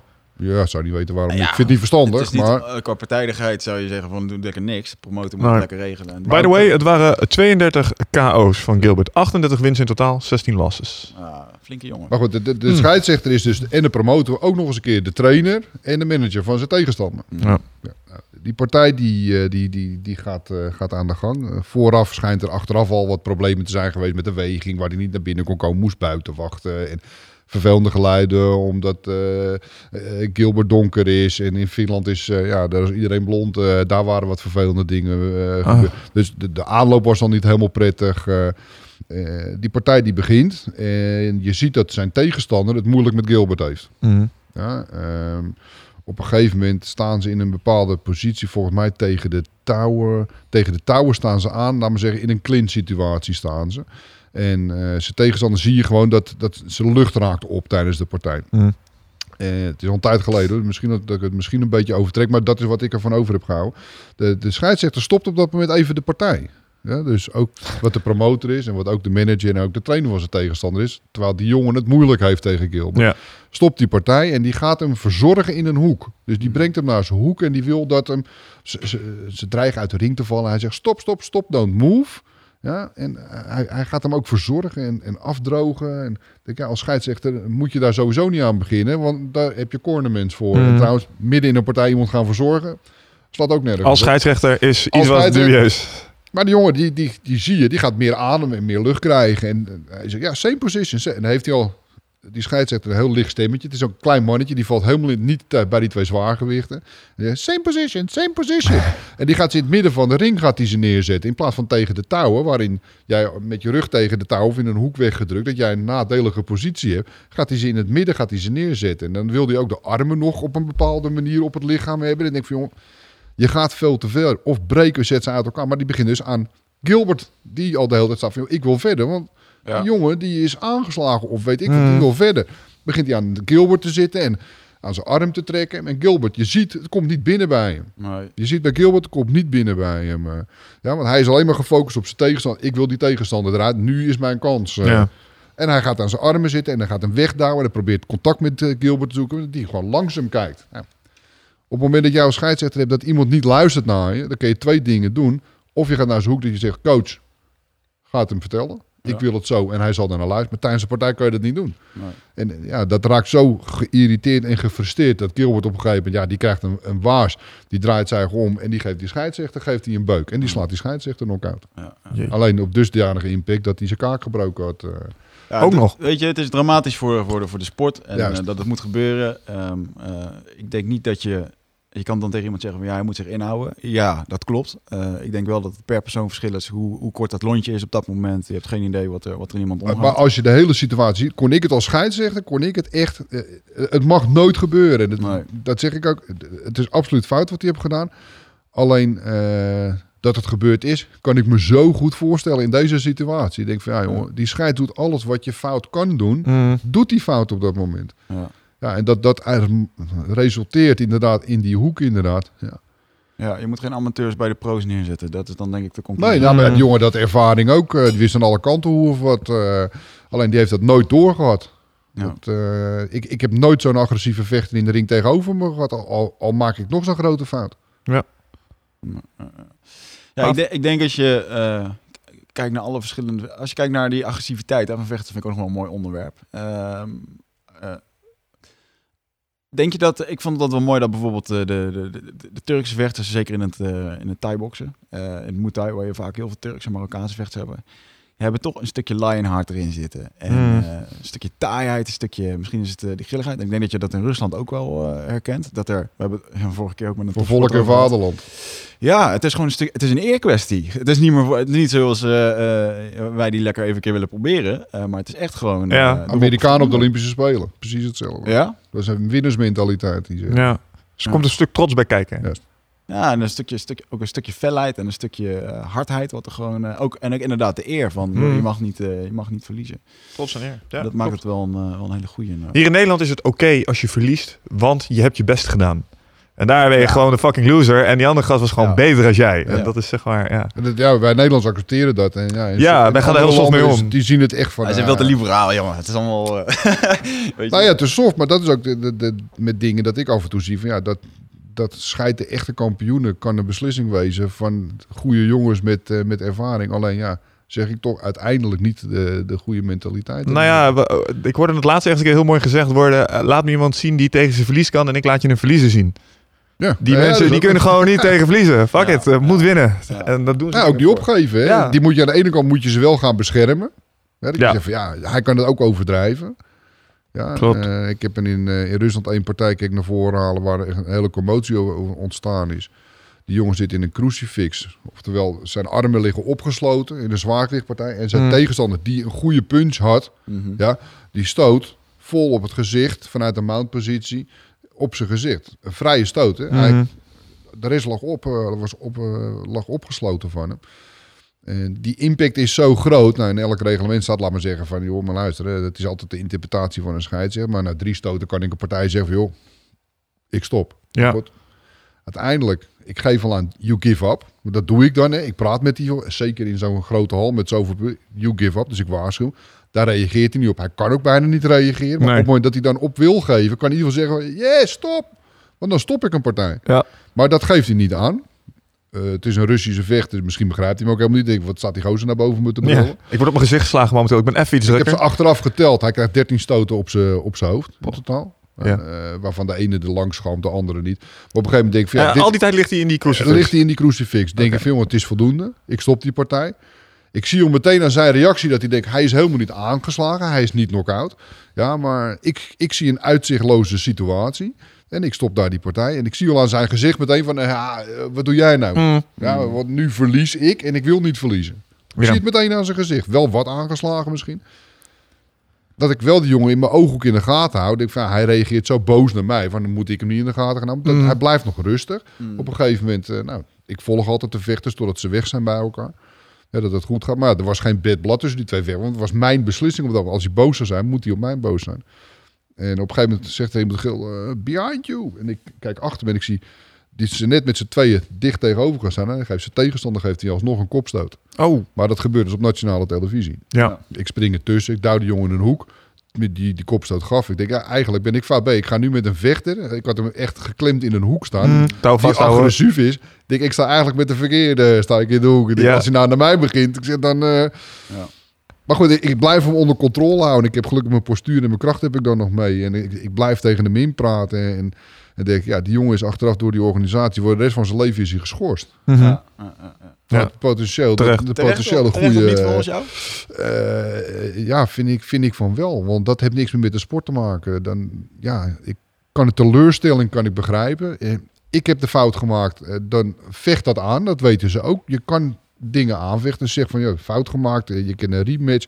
Wat het is, is het. Mm. Maar gaat zeker niet op het moment dat je tegen iemand eh, die daar eigenlijk niks mee te maken heeft, dat je die out of the blue een kopstoot gaat geven. Terwijl je weet inderdaad, joh, dat gaat heel- een, een stoot vind ik dan nog Ja, zoiets van oké, nee. maar een kopstoot is echt joh, barbaars. Ja. Denk ja, jij komt uit een ander gebied, laat maar zeggen, dan waar ik vandaan kom. eh, ja, eh, ja vind, ik, vind ik dat een, eh, een terechte beslissing dat een organisatie zegt, ja, de rest van mijn leven. eh, Maar al had hij geslagen. Het is agressie buiten de wedstrijd. Ja, maar dan heb je nog zoiets van, oké, eh, dat hebben we natuurlijk ook met, met, met Badr Hari gezien. Eh, dat, dat gebeurt in iets en dat dat niet in favor voor de sport is, begrijp ik. Maar Ja. echt een kopstoot, ja, dat is, ja, kijk naar Suarez die iemand bijt. Ja, dat heeft niks meer met het spelletje te maken. Maak ik een overtreding op jou, dan zeg je, ja, grof overtreding, dat kan je niet doen. Heeft het nog wel met je sport te maken.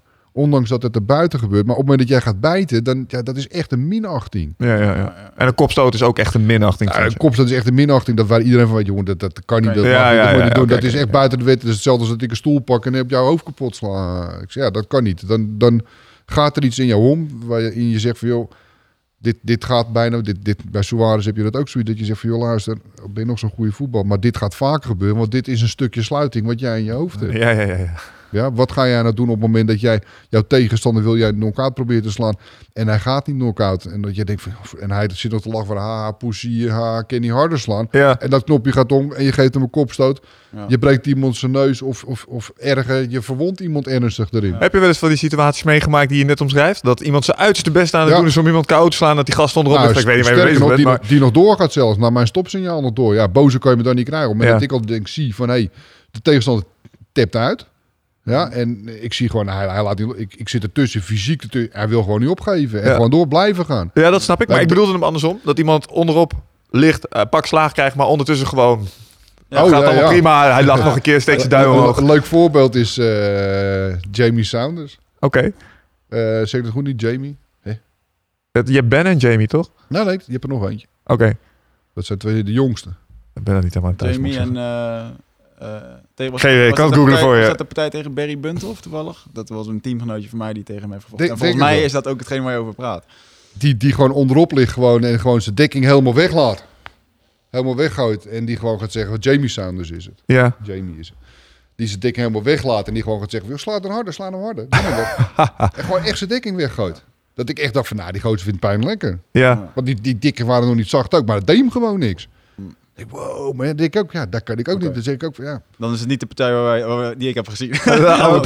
Maar inderdaad wel, dat, er ge- dat is wel een fenomeen dat... ehm, praten. Het praten tussen partijen. Ja, ik kan het me niet voorstellen, maar eh, je hebt er een aantal sterren tussen, zoals een, een Nick Diaz in Amerika, die eh, samen met zijn broer eh Nate, die gewoon eh, met eh bitch slaps er tussendoor gooien, uitdagen, continu in je geest proberen te komen of in je. in- Ja. in- Ik sta het niet toe, hè, in de ring. Praten met Nee, elkaar. ik vind van niet. Nee, ik- Maar het mag officieel wel. Het is niet Ja, een het- reglement. Nou ja, het mag officieel wel. Oh, smack talking. het staat niet in, in, in een reglement beschreven. Nee. Je mag niet eh offensive praten tegen, je, tegen de scheidsrechter, of juryleden of eh, Nee. dat soort dingen. Maar eh, ja, ik heb zoiets van, heb respect voor je tegenstander. En ondanks dat je bed blad hebt, moet je helemaal zo... En dat er een woordje valt, oké. Maar op het moment dat ze echt naar elkaar gaan praten... Dan denk je niet ja, dat dan het zit, een, dan, eh, ik kom ertussen en ik zeg, jongens, eh, niet praten. Vind je dat Stop. niet dat het een ehm, ehm, Onderdeel is? onderdeel, on- Ja. ja. onderdeel Ja, van het strijd- ook wel het- eigenlijk. Want je beperkt, eh, nou bij wijze van spreken, ja, je zou kunnen zeggen dat je een, een Nick Diaz, als je zegt van je mag niet meer praten in gevecht, dat je een deel van zijn strategie weg. Is een deel is, is een van zijn wapens. Ja. ja, denk ik ook wel. Maar er zit wel een grens in. Want als je elkaar aan het sarren, aan het narren bent... of het wordt echt heel kwetsend over iemands moeder... nee, maar er is je- wel een grens. maar- ja, maar dat Ja. is het, hè. Dus zolang het respect er blijft. Kijk, eh, Jamie op de grond, van, joh, eh, sla harder. Dan denk ik, van, ah, Ja. ik vond het geweldig. Ik vond het geweldig om te zien. Ik ja, fantastisch. Ja. en hij heeft geen disrespect naar zijn tegenstander. Hij zegt alleen, sla dan harder. Hmm. Ik denk, nou, ik zou zo opladen voor één knal. En ik zou je zo het licht uit je ogen gaan. het, deed, het gewoon niks. Dat is echt bizar. Ik denk, ja, als tegenstander denk ik echt van, eh, ja, verdomme. Ik heb die toppositie. Ik zit bovenop hem. eh, ik probeer hem eigenlijk eruit te slaan. Hij laat zijn dekking vast. Het helpt niet bij je zelfvertrouwen, nee. Ik krijg hem er nog niet uit. eh. Nee, ja, ik kan me wel voorstellen dat het echt Maar inderdaad, op het moment dat het echt trash talk naar elkaar denkt, moet je vooraf doen. Daarna, Mm. Maakt me allemaal niet uit wanneer je het doet. Maar tijdens de wedstrijd, dat het zou hetzelfde eh, spugen naar je tegenstander. Nee, doe je ook niet. Ja. Dat, is disrespect. wat ik wel een gaaf moment vond was toen Joop Kasteel tegen Paul Cohoen vocht. Paul Cohoen was toen een soort invaller volgens mij uit Engeland. En Joop was toch wel een beetje de regerend kampioen. En er kwam op een gegeven moment een beetje, een- ja, een beetje, een beetje dikker Engelse mannetje kwam erbij. uit. En die, die ging op een gegeven moment tegen elkaar. En ik denk dat een van de grote redenen was dat Joop op een gegeven moment zijn kaak eh, had eh, gebroken. En daarom niet meer helemaal recht stond zoals hij hoorde te staan met de 120 kilo. Maar, eh, en dat die Paul Calhoun ook echt, dat was echt gewoon een slagpartij van beide kanten. En dat, dat die Paul Calhoun op een gegeven moment wel echt het publiek op zijn zijde kreeg. Want eigenlijk was Joop de favoriet. Joop was Ja, ja, altijd. En Paul die, die, die sloeg hem en Joop die gaf zijn, zijn bekende low waardoor die Paul eigenlijk gewoon iedere keer drie meter opzij werd ge- ge- geboomd als een computerspelletje. En dat op een gegeven moment de Paul Calhoun eh, hè, eh, een paar een serie stoten gaf en gewoon met die handen omhoog het hele publiek. Ja, dat was super Ja, intens. maar, maar dat is leuk. Ik heb af en toe wel het idee bij zo'n partij ook dat ik als scheidsrechter ook naar het publiek wil doen. Van, joh, Ja, dat. Ja, Ja. ja, ja. Ja, ik kan het niet doen. Ik mag het niet doen. Ik denk, ja, af en toe heb ik dat ook. Ja, dat, dat zijn de mooiste partijen die er zijn. Maar dat zeg ik nogmaals. Als het respect er maar blijft. Op het moment dat jij inderdaad met disrespect naar iemand toe gaat. Dan, eh, dan, vind ik, dan, dan ligt daar een grens voor mij om te zeggen van jongens. Ja, snap ik. Ja, ja, ja. Oké. Ah, mooi man. Ik denk wel dat je een... eh, eh, je hebt een aparte baan. Ja, Dat Ja, je doet leuke dingen. eh, op Nou ja, zeker. en je gaat volgende week naar China. Want waar kijk je nu naar uit? Eh, wat heb je de komende tijd op je Nee, ik, programma heb, ik heb nu dit jaar dan, ik, ik heb geen vakantie nog gehad eh, dit jaar, dus ik ga lekker op vakantie in Hoogste tijd. december. Ik zou eigenlijk eh, 17 december weer in Sint-Petersburg staan, maar ja, ook dan zeg ik het dan af. Ik, zeg, Ja. ik moet ook aan mijn privéleven denken. Ja. Volgende week China, het eerste, eh, eerste grote MMA-gala inderdaad op eh, vaste bodem van Chinese grond. Dat zou, Eerste grote gala ja, daar. Ja, zou eh, twee weken geleden zijn. En toen bedachten ze dat eh, alle wereldrijders er bij elkaar. En dan zeggen ze heel makkelijk in China, promoten schuif het maar twee weken op. Oh, Ik had al mijn gegevens, eh, de ja. visa's, alles was geregeld. Tickets lagen al binnen en het Welkom in China. Een week, een week ervoor wordt er gezegd, joh, schuif maar twee weken op. Want wij staan geen evenementen met meer dan 10.000 man toe. Oh, Oké. Dus dat geldt niet alleen voor mij en voor de scheidsrechter, maar voor alle vechters en alles met opgeschoven. Zijn het lokale mensen op de main card of... eh, Nee, nee. eh, de main card was eh Garitimov tegen Ishii. Hm. Dat zou de, de main event worden. Eh Ishii is geblesseerd afgehaakt. Ook dan wel leuk, hè? Dan zet ik erop, eh, van, joh, we zoeken nog een goede tegenstander eh, om in China te vechten tegen Garitimov. En dan krijg je van iemand uit Spanje... die zegt van, nou, ik, heb, ik ben ongeslagen, ik heb twee partijen gevochten en ik ben zwaargewicht en ik wil wel tegen Garitimov vechten. Ik weet niet, man. share ook jongens, share Maar die vecht nu tegen Kenny Gardner. Dat is de main event eh, geworden nu. Eh, Kenny Gardner is eh oud zwaargewicht kampioen van M1. eh, twee Ja. keer zijn titel Hmm. verdedigd. inmiddels wel kwijtgeraakt. Ehm, die heeft een dipje gehad in zijn vechten. Die heeft in Amerika weer een partij gevochten, twee. En die heeft hij eh, voortijdig beslist. Dus ja, die, Mm. die kan in ieder geval een goede competitie er tegenaan gaan. En, en daar staat er nog een het zwaargewichttitel staat er op het spel tussen een ongeslagen Pool. Kan die op zijn naam komen mm. tegen, tegen Glukov. Dus ja, daar kijk echt, echt goede. ja, in Rusland zijn zoveel goede vechters in diverse gewichtsklassen ook een ongeslagen middel. Het is echt de, de beste line-up die ik uh, van, op papier uh, zie inderdaad van M1 van het afgelopen jaar. Okay, uh, gaat het daar. Ja. Mooi. Wat vind je van de um, Nederlandse vechters die op dit moment in de UFC vechten? Dan hebben we het over een, want ik weet dat jij ook redelijk close was met Gerard Musashi. In de zin ja. van, je hebt eigenlijk ja, je hebt die jongens zien groeien vanaf... Uh... Ik heb Gerhard, ik heb Alistair toevallig uh, Struve van het weekend nog. Ik heb zijn eerste MMA-partij gescheid, zegt het. Uh, ja. Dus ja, de jongens heb ik zelf ook allemaal in de ring gehad. ik vind het jammer dat er niet meer doorkomt. En ik, ik ja, het is een beetje de situatie zoals in Nederland ziet. Ik zie bijvoorbeeld in Duitsland dat het niveau groeit onder de MMA-vechters. En in Nederland stagneert het. Ik zie weinig verse aanwas daarin. Uh, mede, maar ja, er wordt ook niks meer georganiseerd in Nederland. Niet op amateurniveau, uh, in ja. grappelen wel. Maar zeker met pro-partijen, ja, dan moet je eigenlijk al beginnen in het buitenland om daar partijtjes op een kickboxschalig wordt één of twee partijtjes worden gedaan. Uh, Satish uh, in Den Haag heeft er nog één keer per jaar wel een wat groter gehalen met meerdere MMA-partijen. Maar het Shoto, daar, daar, eh, waar ook aan was. Hè. Ik bedoel, mm. heb ik nog eh, in, in Shoto-partijen gescheid. Zij Congo ook nog. Dat, ja, die, dat is er niet meer. Uh, Shoto, ja, en dat, dat is jammer, daardoor heb je geen aanwas meer. En ja, ik ben geen promotor. Ik heb door de weekse tijd er niet voor. Ik heb er altijd aan gedacht, van, luister, zal ik het op gaan zetten. Het spelletje is te leuk om me dood te laten bloeden. Maar daardoor zie je wel dat Nederland een achterstand gaat krijgen. Ja, maar denk je dat, uh, want het is wel uh, inderdaad, het valt helemaal weg met, uh, met de gala's. En het wordt eigenlijk, het wordt eigenlijk, ik word krijg een agenda update dat, dat we een podcast houden. Ah, nou, ja, check. je bent in ieder geval op tijd ja. deze keer. maar wanneer gaan we beginnen dan? Ja, nou, oh ja dit is allemaal proef inderdaad. Nee, um, oh shit, hij stond trouwens niet op te nemen. Wat wilde ik nou vertellen? Dan ben ik het weer kwijt. Oh ja, uh, kleine galas inderdaad. Want op een gegeven moment, um, uh, uh, ik heb zelf ook de georganiseerd. En op een gegeven moment werd het gewoon niet meer interessant om te doen. Uh, ja, weet je, groepjes vallen ook uit elkaar. Ik denk dat Nederland wat te klein is om, uh, uh, om continu te bouwen aan één en dezelfde groep. Want je ziet echt in geen enkele sportschool dat er een wedstrijdgroep is die langer dan vijf jaar bij. Je bedoelt groepen als Golden Glory vroeger? Nee, alles. Ook gewoon een kleine school. Stel je voor, jij bent 18 jaar, je gaat trainen met je vrienden, je trekt samen op, je zit op school, je hebt een vrij schema, er wordt mm. lekker getraind. Op een gegeven moment, jongens gaan andere keuzes maken, leven wordt serieus gaan werken. Dus er is iedere keer zo'n soort van ja, nieuwe aanwas van jongens die knokken. En dan zie je een paar jongens een paar jaar vechten. En dan denk je van, oh, dat wordt de grote. Nou, die krijgt op een gegeven moment zo'n opbewaai dat hij geen zin meer heeft. Of een vriendin die het niet meer goed vindt. En uh, er zijn allemaal van dat soort dingen die ertussen komen. Ja.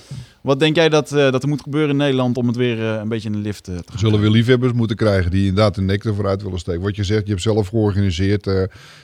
ik heb het zelf met scheidsrechter. ik, ik doe het voor de sport, ik doe het niet voor het geld. Ik en die, die, zullen we weer moeten vinden, de liefhebbers daarvan, die het op poten willen gaan zetten om het vanaf het eh, amateurgebeuren weer op. En ik denk als je tegen mensen praat, dat ze allemaal zeggen, ik vind het helemaal geweldig. Mm. Maar uiteindelijk niemand de tijd daarvoor uh, vindt. Of, uh, En sommigen zullen zeggen van ja, maar financieel moet ik er ook uh, moet ik wel uit de kosten kunnen gaan komen. Ik ga niet mijn kop daarvoor uit. Oh, en dat is in Nederland wel een dingetje. Da en dat is, dat is het wel. En dan denk ik van ja. Ah, het is ook het uit, uit promoten dus het, het risico dat je gewoon hard de schip in kan gaan. Ik denk dat een hele hoop trainers uh, het gevoel hebben dat ze heel veel investeren en er eigenlijk niet zoveel voor terugkrijgen. Nee. Want, uh, uh, en daar is ook de mening in verdeeld. Sommige trainers die vinden gewoon als je nu de keus maakt, dan, dan ga je dit gewoon aanpakken. Mm -hmm. En er zijn ook een hele hoop sportscholen die van, ah joh, doe ik een keer een partijtje, is leuk. Dat is een hele andere instelling. Ja. Dat is het. Het is moeilijk om in Nederland echt puur een MMA te halen. Net zoals in Duitsland. Respect heb ik meegemaakt. Waar we zijn begonnen in een, in, in, in, in, in een squashhol een squashhal waar ze omstonden te kleden op squashbanen. En in het midden was ergens een ringetje neergezet. En daar werden de partijen gedaan. Uiteindelijk naar een gala inderdaad waar 3.000, 3.500 man uh, binnen zitten daar. Puur en alleen MMA. Ja. ja. dat heb in Nederland eigenlijk nooit gedraaid. Een groot MMA uh, Ahoy was altijd een mix van kickboksen. Nederland is een, ja. een land met staande vechters. Uh, wij, wij begrijpen het grondspel. We hebben te weinig mensen met kennis van het grondgevecht. maar kom je op het boelroep uit. Precies, en ik denk inmiddels dat daar wel een soort slag in is gemaakt. Maar wij hebben in, in hoor je ook op een gegeven moment echt met nou, dat laatste, dat laatste de, op Pride-regels zelfs met Werdoem tegen uh, Emelianenko die daar staan uh, te knokken gewoon. Ja, dat de zaal gewoon niet eens vol zit daar nu. Nee. Ja, dan ja, is Nederland ja, niet. Het publiek is niet klaar voor MMA in Nederland. Nee. Uh, ja, je ziet het niet terugkomen op televisie. Ja, waarom is K1 kent iedereen nu de K1 vechters? Omdat RTL erin is gestapt, omdat Veronica daarin is gestapt. Het, eh, het heeft bekendheid op televisie gekregen. MMA wordt niet uitgezonden. Ja, waarom is het in Rusland nu wel zo populair? Waarom als ik in Rusland een vliegtuig uitstap, word ik herkend en willen ze op de foto? Het is daar op nationale televisie, primetime, om 8 uur s avonds. Hoe grappig is dat? Hij is gewoon Als je dat Ja, voor de eerste cool. keer gebeurt. Cool. cool. Justin Bieber van Nederland. dat is toch grappig? Cool. Ik, Marco ja, ik- hallo. Ik, word niet, ik word niet bestormend, maar op, op gala's sowieso wel. Ja, daar heb je de liefhebbers zitten. Maar mensen die... eh, ik heb het op Moskou inderdaad eh, twee keer meegemaakt. Dat, dat iemand je herkent inderdaad. Gewoon Wat leuk, man. Op de ja, dat is cool. Ja, maar maar ja, het is nogmaals. Het is ook gewoon mooi. Ik bedoel, ja, ik ken jou, ik ken jou al heel lang, maar eh, toen ik voor het eerst een Shimada zag, die ik in Pride zag, uh, zo'n scheidsrechter, vond ik dat ook tof om met foto te gaan. Ja. Die samurai scheids is dat toch? Eh, Ja, Shimada, Yuji nee, Shimada, kleine, ja, kleine, Klein. kleine, volgens mij heeft hij zelf nooit eigenlijk gevochten. Eigenlijk heel... eh, heel- Japanse Ah, ja, doet, toch? doet, eh, One FC doet hij Die nu Japanse doet toch? Ja, die kleine? Ja. Die- ik bedoel niet Anthony hè? Nee, nee, nee, nee, die Japanse scheidsrechter. Die vind ik altijd op samurai lijken. Oh, ja, maar Oh. wat is dit? hoe, lijkt, hoe ziet Ja, hij is altijd heel eruit? kordatische bewegingen Ja, en heel tuurlijk. strak en dat soort dingen. Het ziet er altijd goed Ja, uit. Ook, ook heel vaak heel laat in Pride. ja, ja, ik, in, de- in, de daar had ik ook zoiets van, als ik naar dit niveau, dat was mijn Pride-wedstrijd, mijn debuut voor Pride eh, Hmm. ja, in, in Rotterdam. En daar was Shimada, was daar ook. eh, de partij René Rozen tegen eh, Alexander Emelianenko. Hmm. ik weet niet of jullie die ook Nou, ik, gezien zat, hebben. ik zat in de jurytafel. Dat ik had letterlijk de bloedspetters op mijn, op mijn dacht- jury ik- ding zitten. ik dacht dat hij nooit meer op zou staan. Ik denk van ja, als dit het niveau is waar ik naartoe moet, dan denk ik van ja, dan gaat het mij in deze sport niet worden. Want zo ver wil ik niet gaan om een partij te stoppen. was wel een van de, omdat ik zat toen echt in de, in de hoek waar uh, Rozen neerging. En uh, toen hij bijkwam, was echt was Eng. wel eng. Was eng, Eng, Ja, ja. absoluut. En uh, Ja. ik kan me heel veel voorstellen dat het voor heel veel mensen spectaculair was. En uh, dat hij in ieder geval, hoe dat hij neerging, leuk, wat dan ook, dat was een, qua, qua partij was het best wel agressief. Maar uh, jezus man, ik hoorde die gast gewoon echt, die, kan, die wist echt niet waar hij was. Nee. Maar vond ik ook eh, vond ik eng. Ik vond het echt eng. Ik, dat heb ik niet vaak. Ik heb zware knock-outs gezien. Knock-out is een knock-out. Ja. Maar deze ging zo lang door. Ja. Dat, uh, ja, te laat gestopt inderdaad. Mm. En, uh, ja, wat je zegt, hè, dat is de eerste keer dat ik met Shimada inderdaad uh, aan het scheidsrechteren was. Uh, ja. Ja, dat is toch een grootheid. Ik zie die man op Pride gaan. Zoals nu iemand in Nederland kijkt die M1 volgt en ziet, ja, ik zie die Marco elke keer in de ring. Ja. Ja, daar kijk je toch tegenop. Maar dat je die man eigenlijk zo'n grove fout ziet, maar dat je denkt, je speelt met de mensenleven op dat moment. Ja. ja. Nou, sowieso, volgens mij heeft René Rozen dat gevecht op nog korte termijn ook nog wel genomen.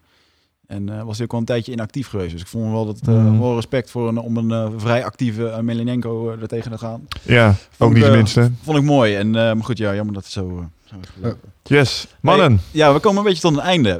Waar ik nog wel even op terug wil komen. Want als we het hebben over concentratie tijdens, je, tijdens je werk en op de momenten dat je het nodig hebt. Eindbazen podcast die wordt mede mogelijk gemaakt door, door Nutrofit. En dat is N-O-O-T-R-O fit.nl.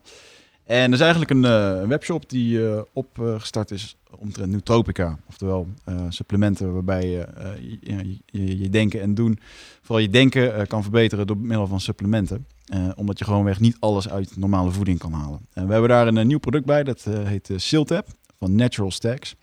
En dat zijn eigenlijk gewoon capsules gemaakt van artichokkenextract. waardoor je, als je dat pakt, je beter in je flow status komt. Hè? Dus dat moment als je, gewoon, als je het nodig hebt, dat je daar makkelijker in komt. Dat je langer kan concentreren als je aan het werkstuk bent. wel tof, we hebben daarmee net een... we hebben dat weggegeven aan een aantal van onze klanten. Die mochten dat reviewen.